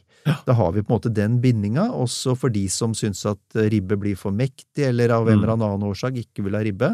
Altså, det er, ikke noe, det er ikke noe vei utenom kjøttet her, det er veldig greit. Men elgkakene er jo ganske magert kjøtt. Det er veldig magert. Og så har vi da brun saus til. Ja. Så, så det er på en måte vår Det er vår tradisjon. Men vi, jo, vi har jo nevnt han eh, julekonservatoren, vet du. Ja. Og han, var jo, han snakket jo om grisen. Og, og nå tar jeg det rett fra min eh, ringe hukommelse, Ja. men han sa jo at eh, gris var jo ikke vanlig, vet du, på Norge fra gammelt av. Det var jo først på, på midten av 18 1800-tallet eller noe sånt, det ble vanlig. Og det er såpass ferskt, Ja, ja. og da var det, det var jo, det var jo Fattigfolk hadde jo ikke råd til gris, så det var jo, var jo de rike da som hadde råd til å ha gris, holde gris. Og sånn sett så spredte det seg som en sånn mote, da, for det var jo det var sikkert et statussymbol da, å kunne servere svineribbe på, på julekvelden. Ja, ja, ja. Så sånn er det. Men du, vi har jo en, en kamerat som er lidenskapelig opptatt av mat. Han er jo et fenomen. ja. ja, vi snakker om Svein Jæger Hansen, og eh, ja, vi skal høre hva han har å si om, eh, om eh, julemenyen, og han har vel kanskje noen tips om vilt på menyen også. Da skal vi snakke med hele Norges villmarkskokk Svein Jæger Hansen. Eh, du har ikke noen vanskeligheter med å lage verken ribbe eller pinnekjøtt, det veit jeg, Svein. Men eh, hvis det, er vi, det, det, er vi, helt sikre på. Men eh, hvis, hva, hva, hva, tenker du, hva tenker du som, som proff? Hva, er, hvis du skal gi et tips til de som lager henholdsvis ribbe og de som lager pinnekjøtt, hva, vil det være? Ja, nå har vi jo brukt her på Megården så har vi fått unna borti fire tonn med ribba, så det, det går mengder. Og når jeg lager privat hjemme, så det beste tipset jeg kan da gi, det er at jeg tar den ut Gjerne hvis man ikke får tak i fersk. De fleste har jo at man får uh, frossen ribbe. Mm. Man tar den ut, tiner den uh, gjerne tre dager før. Og så uh, gnur man den inn med krydder. Altså man bruker gjerne sennep, sennep som er litt smak på. Og så har man salt og pepper på kjøtt og på beinsida. Mens svorsida så unngår jeg å ha eh, krydder, sånn at det ikke eh, gjør sånn at svoren ikke blir sprø. Mm. Tar det på ei eh, form, og så har jeg litt eh, vann i bunnen. Og så snitter jeg opp eh, svoren så det blir litt sånn fine ruter. Og så legger jeg den med eh, svoren med vannsida, sånn at jeg får ligge i kjøleskap med krydderet på baksida. Og så eh, er det klar til man skal begynne å steike på julaften. Mm. Mm.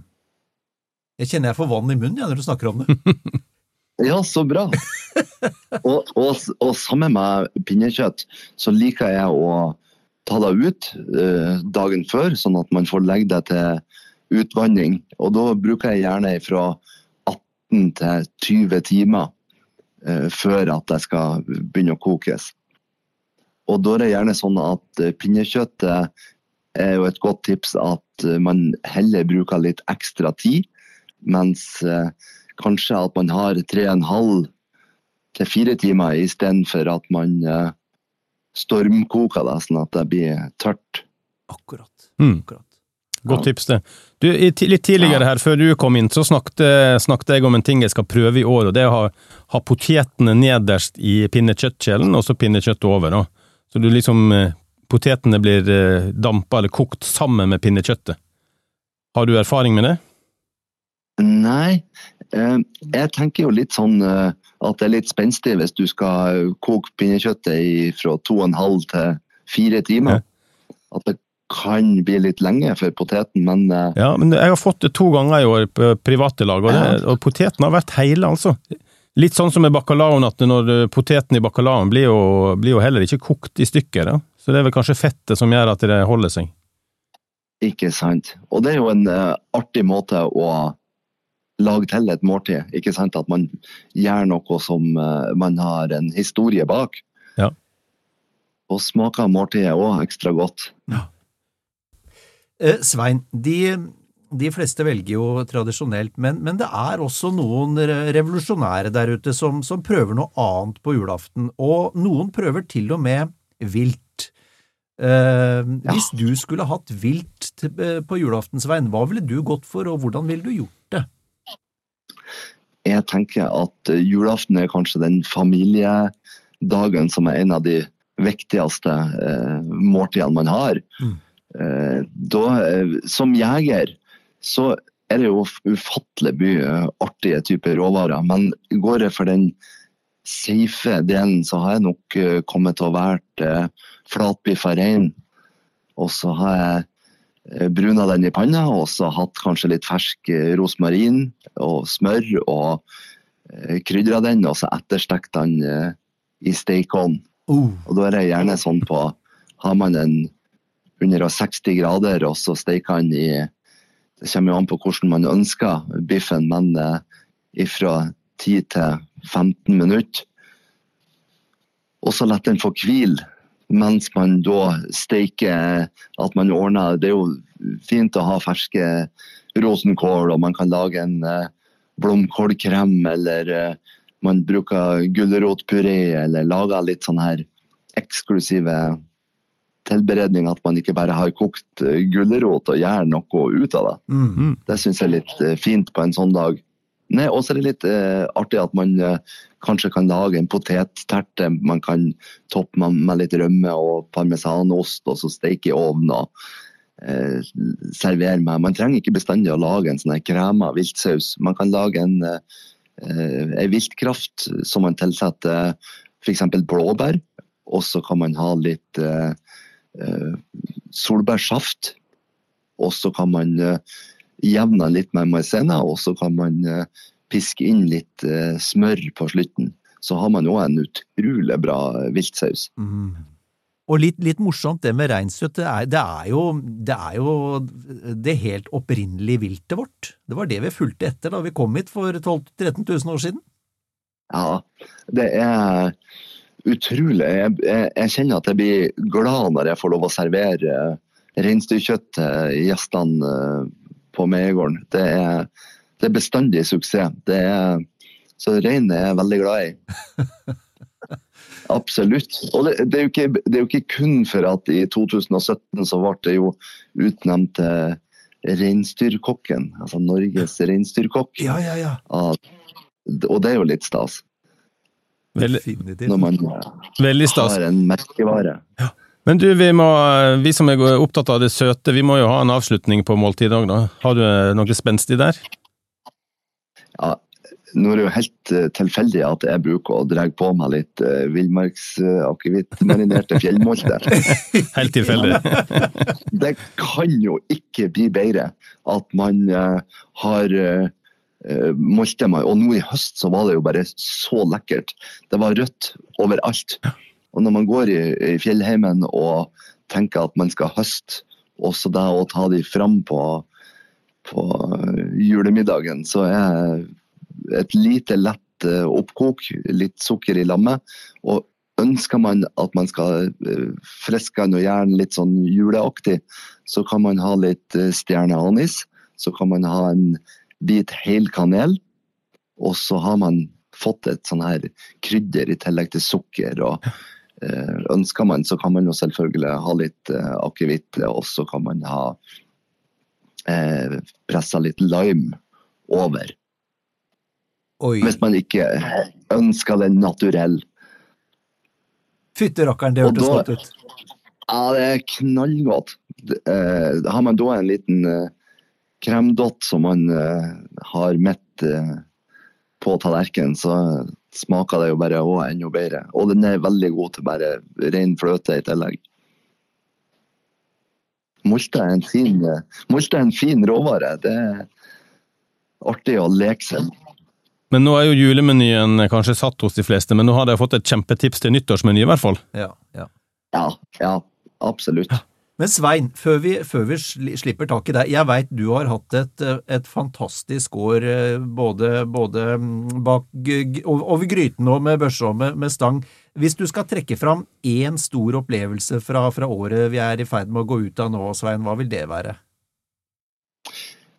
Jeg, nå når vi laga sesong tre av Jegertoner, så var jeg så heldig og fikk eh, oppleve å skyte eh, fasan. Og det er første gangen. Og det var en, eh, en fin, litt sånn høytidelig Vi kledde oss uh, med respekt og andakt, og så var vi ute, og så fikk jeg skutt flere fasan, da. Uh, Det er nok den, også når vi lå sammen, det her var i Danmark, uh, så var jeg med og fikk oppleve gåsejakt. Da vi ligger i en sånn her blinds attmed maisåkeren. Ja. Og så lokker de på gåsen, og så er det 1000 gås over det som kommer og så lander framfor det. Og så er det nå! Og så ruster du opp og så eh, skyter. Det var, det var en litt sånn rå opplevelse. Jeg har mange. Det, er- det, det, det å være jeger, vet du, det er så artig at dere sier det. For det er det å kan berike livet sitt med å høste av naturen, er, er, man er heldig. Det, takk for at man bor i Norge og får sånne opplevelser. Vi er heldige, Svein. Tusen takk for at du har delt, eh, delt litt eh, oppskrifter og, og, og tips med oss, og så, og så får vi bare ønske deg en riktig god jul, vi, Svein. Tusen takk, og samme til dere. Kos dere masse, og riktig god jul. Og godt nyttår. I like måte. Takk for det. Herlig, herlig. Svein Jæger Hansen, altså. Ingen over, ingen ved siden av. Han er en eventyrlig type. Men du, ehm, eh, når vi er inne på eventyrlige typer, eh, Halvard. Vi har jo, vi har jo snakka med, og vi, vi forholder oss til flere sånne. Ja. Du, vi har jo en eh, som er innom i podkasten av og til, og, det, og ikke minst leverer gode sak til eh, Villmarksliv. Og det er jo Kjell Harald Myrseth. Ja. Og, eh, og um, han kasta jo bokstavelig talt loss for et par år siden. Mm. Han solgte jo Han drev jo en sånn hundeguiding oppe i, opp i nord. Stemmer det? Trappers Farm? Trappers Farm, ja. Ja. Solgte alt han eide, inkludert en bråte med sånne husker. Kjøpte seilbåt og starta et liv på havet. Du verden. Og det imponerende her er at han hadde jo ikke nevneverdig seilerfaring eh, før han la ut med båten. Tok veien sørover, det var sånn eh, opplæringstur, tror jeg. Ja. Han seilte vel eh, norskekysten sørover til Danmark. Og så snudde han nesa nordover igjen, eh, kysten nord til, eh, til helt opp til Svalbard. Og så da seilte han rundt Svalbard med en liten seilbåt. Helt... Jeg husker han skrev noen fine saker fra, fra, Sva, fra Svalbard Ja. og, og, i Og- seilbåten Og sin. vi har vel en episode fra, fra den turen òg. Ja. Så det er bare å lytte på. Og, men så satte han jo kursen eh, rett og slett jorda rundt. Og akkurat eh, når vi snakker nå, Knut, så tror jeg han befinner seg i Patagonia. Og hvor blir det, Ja, det er jo Sør-Amerika, og eh, vel på med Chile. Chile-siden der. Mm. Ja. Og eh, Kjell Harald, han har vi, vi um, fått et juleminne fra òg. Og det handler om at han og kompisen Lasse uh, var på en tur for ti år siden, og feira julekvelden i, i en kraftig storm, rett og slett. Og det har uh, Kjell Harald vært i flere av stormer. Det er helt sikkert. Uh, Det opptaket vi skal lytte på nå, det gjorde vi vel mens han eh, var eh, på en sånn lokal kafé, og det høres i opptaket, får vi si. Så det får vi bare beklage for på forhånd, men, eh, men historien er god, så heng med på den. Det gjør vi. Ja, en av eh, mine beste juleminner må være fra en tur jeg og en veldig god kompis som heter Lasse gjorde for, eh, for nærmere ti år siden, kanskje. Da, da dro vi på en tur i, midt i mørketida i, i desember innover, innover uh, Padjelanta nasjonalpark og velte oss i grenseområdene mellom Norge og Sverige. Og vi, gikk, vi var da på tur i én måned uten å se et eneste menneske. Vi så ikke et eneste skispor engang. Ikke et eneste scooterspor kryssa vi på den turen på en hel måned. Så det var en sånn total villmarksfølelse som eh, alle har opplevd i, i Skandinavia før. Og da på, på selveste julaften så, eh, så var vi oppe på høgfjellet etter å slette oss opp i mange dager i dårlig høre. Og det ble en forferdelig snøstorm på selve julaften. Og, men da, da hadde vi lagd oss en megastor eh, levegg som vi hadde satt i teltet bak. Og eh, selv om vi måtte krype med tau ut til hundene for å gi dem fôr, så følte vi at det var trygt og godt inne i teltet. Og eh, her lå vi da en hel julekveld med å lage oss eh, program, hva vi skulle gjøre, hvilke sanger vi skulle synge, og når vi skulle eh, sprette konjakken. Og eh, vi hadde pinnekjøtt og alt, alle mulige slags retter de kan lage i, i, eh, i teltet. Og eh, det var bare en eh, var bare en helt fantastisk eh, julaften. Og vi hadde hver vår gave. Jeg jeg gitt ei gammel Henry Rudi-bok til han, til han Lasse. Og, etter hvert så herja stormen ifra seg. Og vi fortsatte den lange turen vår.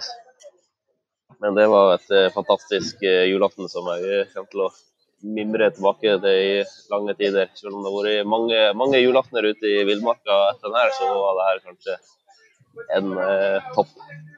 Et godt eh, vennskap og med gode hunder. Mm. Har, har, du ofte feil, feira selve julekvelden i villmarka? Eh, ja, det har jeg. Det, jeg tror jeg har feira julaften eh, ni, ni, ganger ute, faktisk. Eh, I løpet av mine 30 år. Så ja. det begynner, begynner, å nærme seg en, en, en tredjedel, i hvert fall. Og ja, samme med nyttår og bursdager, for den saks skyld.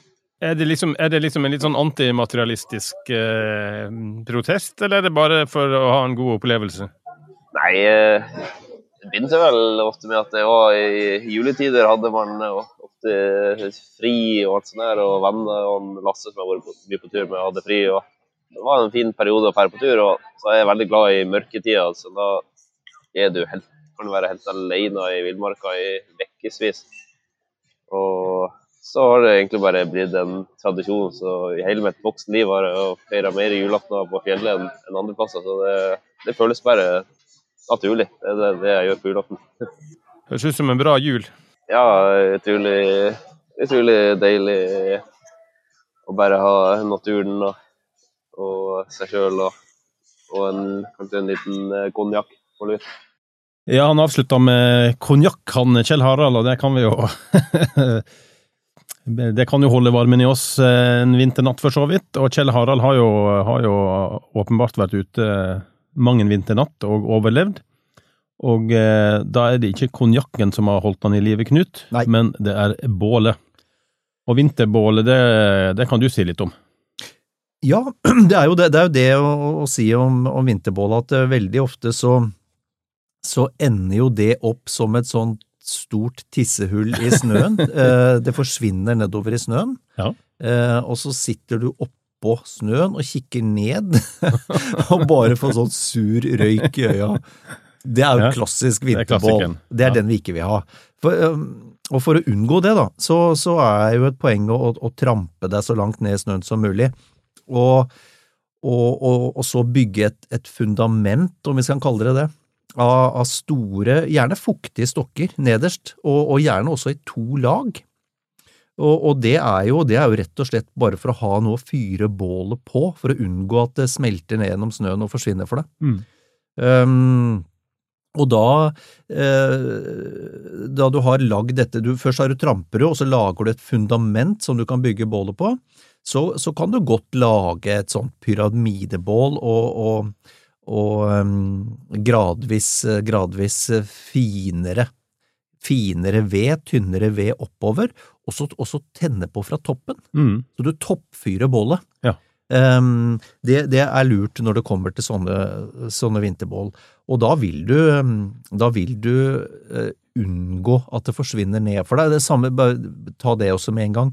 Um, om du finner steiner, så er heller ikke det noe, noe, spesielt lurt å bruke som fundament eller underlag i snøen, da, for de også blir varme, og så forsvinner de ned gjennom snøen for deg. Mm. Så det, det, er, um, det er egentlig det viktigste å vite om vinterbålet. Alltid greit å ha med noe å fyre opp med, naturligvis. Uh, enten bjørkenever eller, eller, sånne hvite opptenningsposer. Mm. Hjelper deg på vei. Ja. Uh, Et alternativ er jo å grave seg ned hvis det ikke er altfor mye snø. Ja da. sånn at en får det helt på bakken. Det, det, det kan du gjøre, men, men, men som, du, som, du, er inne på, hvis det er, er, to meter snø, så har du en jobb, altså. Du har det. Ja. Ålreit. Uh, um, så langt om vinterbålet. Uh, vi må snakke litt, uh, Halvard, tenker jeg, sånn uh, på det tidspunktet her i, i, julespesialen vår, det med å overnatte ute vinterstid, mm. Det, det, er jo, det, er jo, spesielt. Og, og to som har overnatta veldig mye ute, det er jo det er Randulf Valle og Marius Negård Pettersen. Og, og, begge de to de har jo vært innom podkasten Villmarksliv i løpet av året. Ja, der var jo begge to sammen for å snakke om uh Norges beste villmarksturer, ja. altså boka, som kanskje en del får under tre år. Ja. Veldig flott bok. Mm. Så hvis du mangler en julegave, så er jo det et åpenbart tips. Ja. Og Marius var jo i tillegg eh, for å snakke om Koieboka, sammen med Tor Gottaas. Ja. Veldig underholdende episode, og en eh, flott bok. Ja. Så det er tips, jule, julegavetips nummer to. Ja. Flotte, flotte bøker, da. Men kanskje vi skal høre på et juleminne fra Randulf Valle. Han eh, Jeg tror det er ofte nyttår han har valgt å være ute, da. Ja. Og, og som han vel sier i, det klippet vi skal høre, at han var, var lei disse kollektive forventningene og, og mye grining, Ja. som det kanskje blir på, i hvert fall i unge år. Ja. Ja, i sånne voldsomme forventninger til et nytt år. Og, så, og så, ja, så blir det kanskje ikke slik, da. Så, så han har da valgt å dra på tur, og i klippet vi skal høre, så snakker han om en eh, tur eh, der han gikk eh, New Zealand på langs, var det vel faktisk?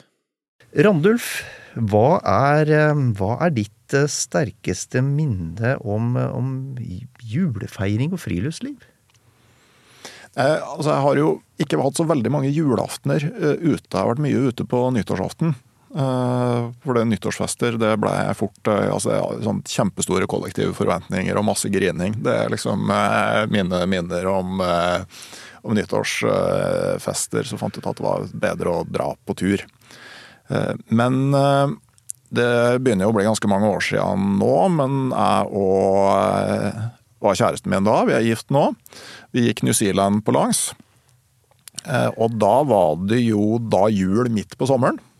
Og vi hadde jo planlagt at vi skulle være inne i et skikkelig villmarksområde. Fyre bål. Ha med litt ekstra mat. Og liksom kanskje ha en fridag, til og med. Vurderte til og med å ha med tørrmelk og ris, og så jeg tror vi fikk kokt grøt. Men så hadde vi ramla inn i det var, det var den våteste og kaldeste sommeren på Nordøya siden målingene hadde starta. Det høljeregna og regna og regna, og vi var inne i en sånn eh, forest park, altså en skogspark som het Ruahini, med, jungel omtrent. Så det var tre plasser du kunne gå. Du kunne gå oppå fjelltoppene, men for å komme dit så måtte du gå på en uthogd sti gjennom skogen. For det var ikke det at det var vanskelig å gå gjennom skogen, det var umulig. Eh, og så kunne du gå i elvene. Ikke langs, i. Dæven ta. Og så er det ikke myr, og det er ikke sjøer på New Zealand. Og så når det regner, så regner det 30 millimeter i timen. Og da endrer vannstanden seg i elvene relativt fort. Så vi var på vei nedover ei ganske lang elv. Vi hadde 1,4 km igjen til hytta vi skulle komme til, hvor det gikk vei ut av det området her. Eh, Og da begynte det å regne. Og elva steig, og sidebekkene steig. Det var sånn at Jeg hoppa over en sidebekk, og i løpet av de ti sekundene som Hilde nølte, så steig den sidebekken så mye at jeg begynte å bli usikker på om jeg klarte å hoppe tilbake. Eh, og så kom Hilde hoppende over, og så la vi bare i vei rett oppover lia og tenkte vi bare komme oss opp på toppen. Og vi kjempa oss oppover og satte oss fast inne i krattet. Eh, og fant ut at det her går ikke. Så vi bare slo opp teltet der og da. Vi hadde så vidt igjen gass, vi tørka litt, og vi var nesten tomme for mat. Eh, dagen etter så var det altfor mye vann til at vi kunne gå i elva. Eh, og vi klarte da Vi brukte seks timer på 1,4 km til eh, bort til den hytta. Eh, og, spiste vår siste, nest siste frokost om morgenen. Gikk en lang etappe ut.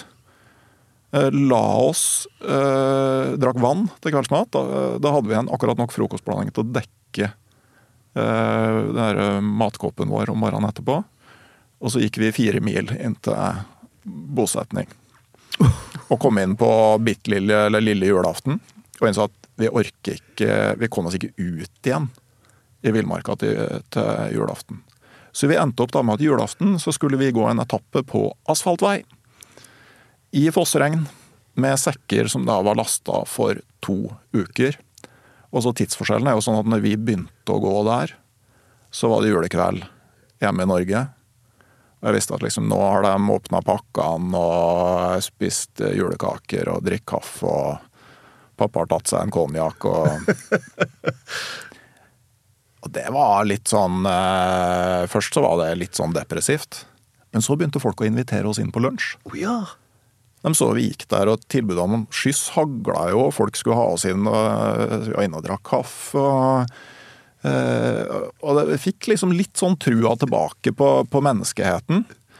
Men eh, på kvelden julaften så vi hadde tenkt vi skulle komme oss inn i et sånt naturområde, men det, det var for langt. Så vi eh, kom oss liksom Gikk langs en skogsbilvei. Sånn at nå, nå kom vi ikke lenger. Så da måtte vi bare gå opp i en skråning og slo opp teltet i en skråning. Og så lå vi liksom sammenrøysa nede i fotenden av teltet på, på, julaften. Og det var liksom Så, så lata vi som det var julaften dagen etterpå, da vi kom fram til ei hytte. Men nyttårsfeiringa ble veldig bra, for da kom vi til ei sånn gammel hytte. Gammel på New Zealand er jo fra 1940-tallet. Og der var det ordentlig med ved. Og en sånn steinhytte. Og, eh, og kunne vi fyre det første sånn store peisbålet og sitte, sitte foran det. Eh, og tenke nytt år, nye muligheter. Fortsatt tre måneder igjen av turen New Zealand på langs. For et fantastisk juleminne! Det Ja, det, det, er jo en av de julaftene jeg faktisk virkelig husker. Og det eh, Man blir jo veldig godt kjent med kjæresten sin når du går tom for mat sammen. Jeg husker den dagen vi var enige om at når vi starta og skulle inn, gå de 40 km uten mat, at alt det vi merker nå, det er rent mentalt. Eh, det er ikke noe fysisk farlig. Fryktelig ubehagelig. Men det er helt forbudt å si noe negativt til den andre, for den andre kan være inne i en positiv periode eller sånn ha en god tankerekke. Så liksom, men én bitte liten kommentar kan være nok til å dra deg ned i kjelleren. Og så kom vi på når vi tok en pause at vi hadde ei sånn sukkerflaske som var tom. Men når du fylte den med vann og rista, så var det en, sånn, en liten sånn smak av sukker på det vannet vi delte. Og den energien du fikk tilbake bare på det du klarte å riste ut av ei tom sukkerflaske, det var eh, ganske deilig. Tusen takk, Randulf. En annen som vi, vi, har vært så heldige å, å, ha her, som du uh, nevnte, og som også har skrevet en god del for oss, uh, spesielt villmarksliv, det er jo Marius uh, Nego Pettersen.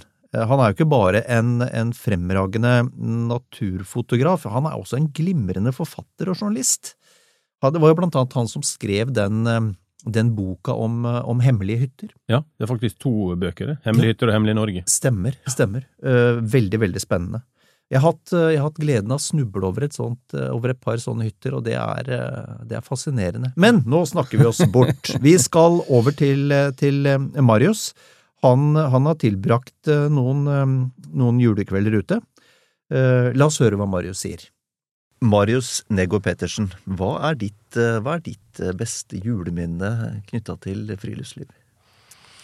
Altså, jeg har hatt noen sånne fine sånne førjulsturer i uh, Indre Troms. Altså i Dividalen, blant annet. Uh, sammen med en kamerat som har bursdag 21. desember. Hvor vi har sittet der oppe og årets mørkeste tid og skålt for han. Og det er sånn som jeg setter på kontoen for juleminner. Men jeg, jeg tror at det, jeg tror at liksom det mest julete friluftslivet jeg har hatt, det var um, Da må vi helt tilbake på sånn helt sånn nærturnivå. Uh, jeg husker ikke akkurat hvordan den ideen kom til, men uh, jeg vokste opp i Nittedal, i lia opp mot uh, det som da er Varingskollen, som for de fleste er kjent som en sånn kolle med et alpinanlegg på baksiden. Men for meg så er det en li med veldig mye fin skog fra andre siden av der hvor dette her eh, alpinanlegget Motsatt side, da, til alpinanlegget. Um, og på slutten av videregående så var det ett år hvor, hvor vi fant ut at hadde ikke vært kult å overnatte ute på julaften. Og så uh, det rare med den ideen var at eh, de kameratene som de jeg fikk den ideen sammen med, de var ikke spesielt interessert i å gå på tur, egentlig. Det var bare den der litt sånn halvsprø ideen da, som vi så på som å overnatte ute på julaften. Men vi gjorde nå det. Vi var fire stykker, husker jeg, første året. Eh, som dro av gårde etter at eh, middagene var spist opp og pakkene var åpna sammen med familier og sånn. I elleve-tolvtida på på natta så gikk vi av gårde med sekker, og så er det noe som heter Veslekollen der ute oppe, hvor du har fantastisk utsikt utover, utover Nittedal, og mot Øyeren, og ser ordentlig langt. Åpent sånn furu, fururabbkolle, eh, hvor vi overnatta. Og så var det to av oss som var etter hvert skulle bli veldig engasjert i det å være ute. Som aldri ga oss med det. Vi fortsatte. Gikk liksom fra den derre litt sånn at det var en artig idé, til at det var det vi, det vi skulle på julaften. Så vi, vi var vel fire stykker i noen år, og så blei vi etter hvert tre. Husker det var en kompis som gikk opp fra motsatt side av Kollen, som pleide å sitte på toppen der og hutre og fryse når vi kom opp, for han var det er, til dags dato den, den, jeg kjenner til som er dårligst til å tenne bål. Han klarer på ingen måte å tenne bål, og det er helt sånn Ser du det, så er det bare Det er fullstendig tragisk. uh, så vi kom opp der og tente, tente bålet for han og fikk varmen i han i et par år, og så til slutt så var vi da to kamerater igjen i en Totalt så holdt vi på i ti år, fram til vi fikk barn, begge to. Eh, da ble liksom hjemmejula litt viktigere. Men de siste fem åra så var det jo han og jeg da som gikk opp der og overnatta ute hver, hver julaften. Og det er noe sånn spesielt med det der å komme ut fra den varme uh, innejulaften inne med liksom en overdådig måltid. Uh, mye folk, pakker Og så gå ut når det på en måte ikke det, ikke, føles ikke naturlig i det hele tatt. Nå skal jeg ta på meg en sekk, og det er kaldt ute, og det er blåser, og det er snø noen ganger. Og så, noen ganger så var det til og med regn, det har vært dårlig vær også. Eh, og så begynne å gå, da halvannen, to timer for å komme opp der. Men så, når du kommer opp dit, får tent det bålet sitter der med flammene, helt rolig, ikke sant, bare vinden i, i trærne rundt deg, kanskje under en tarp. Eh, ha med deg litt sånn rester av julemat, en liten skål. Så var det bare helt fullstendig magisk, altså. Og så det å vite også at du gjør noe som veldig få andre egentlig gjør, akkurat, akkurat nå i kveld. Det er nok ikke så mange andre som gjør det. Det er ikke så mange som trekker ut på den måten. Eh. Vi var jo ofte ikke framme der oppe før klokka var eh, to, ikke sant. Så satt vi og skravla til klokka var fire, da. Og så var det å krype ned i posen og ofte tilbake til nytt familieselskap og være helt ødelagt første juledag, forresten.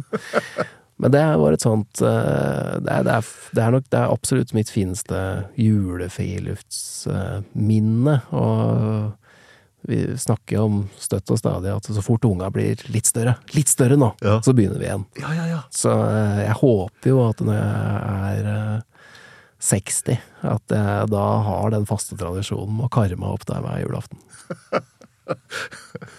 Takk for et fint eh, juleminne, Marius. Ja, kanskje, kanskje, det å bo ute på julekvelden kan bli en tradisjon for, for oss òg, Knut? Hvem vet? Tradisjoner skal man i hvert fall ikke tøyse med.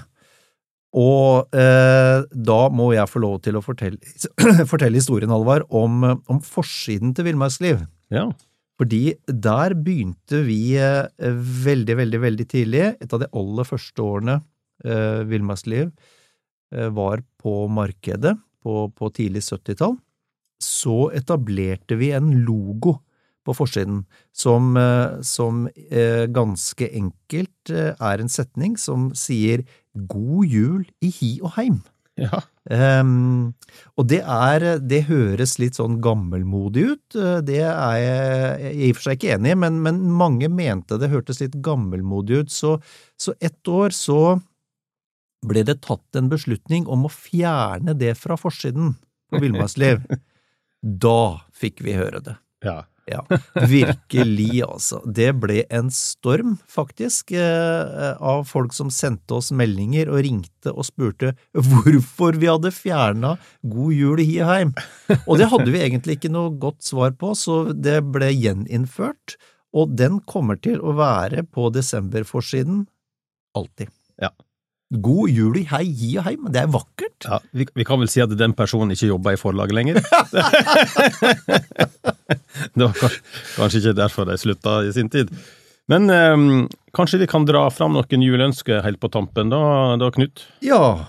Um, da, hvis vi kan være så ubeskjedne at vi har noen ønsker, eh, så, så vil jeg si at kanskje flere trykker like eller abonnerer der de lytter, og kanskje skrive en fin anmeldelse til, eh, hvis de liker det de, de hører av podkasten Villmannsliv. Ja, og så har jeg et lite ønske som, til våre lyttere, da, at, eh, at de kanskje anbefaler podkasten Villmarksliv til en venn. Ja. Også et lite poeng er det at det er jo en del som faktisk ikke får til å lytte til podkast. Så om de skal lytte til oss eller andre, så kanskje, kanskje en, en julegave rett og slett er å, å da vise en voksen eh, far eller onkel eller tante eller hvem det nå er, Ja. eller nabo, Ja. hvordan de faktisk kan lytte til, eh, til podkast. For det er veldig mye godt innhold, eh, ikke bare podkasten Villmarksliv, men også andre. Ja. Så det tenker jeg kan være en bra, bra gave, og kanskje til og med vise hvordan de kan lytte i bilen eller på PC-en. øh, på mobilen, selvsagt. Eh, det tror jeg mange vil ha glede av. Mm, jeg tror du har helt rett i. Og så er det selvfølgelig, vi setter jo umåtelig pris på, på alle som, som abonnerer på bladene våre. Det er jo det er villmarksliv, det er jakt, og, og det er alt om fiske. Og det beste du kan gjøre for å støtte podkasten Villmarksliv, det er jo å, å bli abonnent. Og da går du, går du til bladkiosken.no og bestiller et abonnement til deg selv, eller som et gaveabonnement da, til noen du syns, uh, syns fortjener det. Og bestiller du gaveabonnement, så får du en sånn uh, Du kan printe ut et eller annet greier så du kan gi bort. Ja. Da har du en gave. Ja. Da gjenstår det bare én ting da, Knut. Ja, det, øh, det gjenstår vel egentlig bare i, i å ønske alle lytterne, alle abonnentene, alle som øh, vi har vært i kontakt med i løpet av året, og det er ikke så reint få, øh, ønske dem en, en, en fredfylt jul og et, et godt nytt år. Og naturligvis, hva er det vi sier, Halvard? God jul i hi og heim. God jul i hi heim, dere!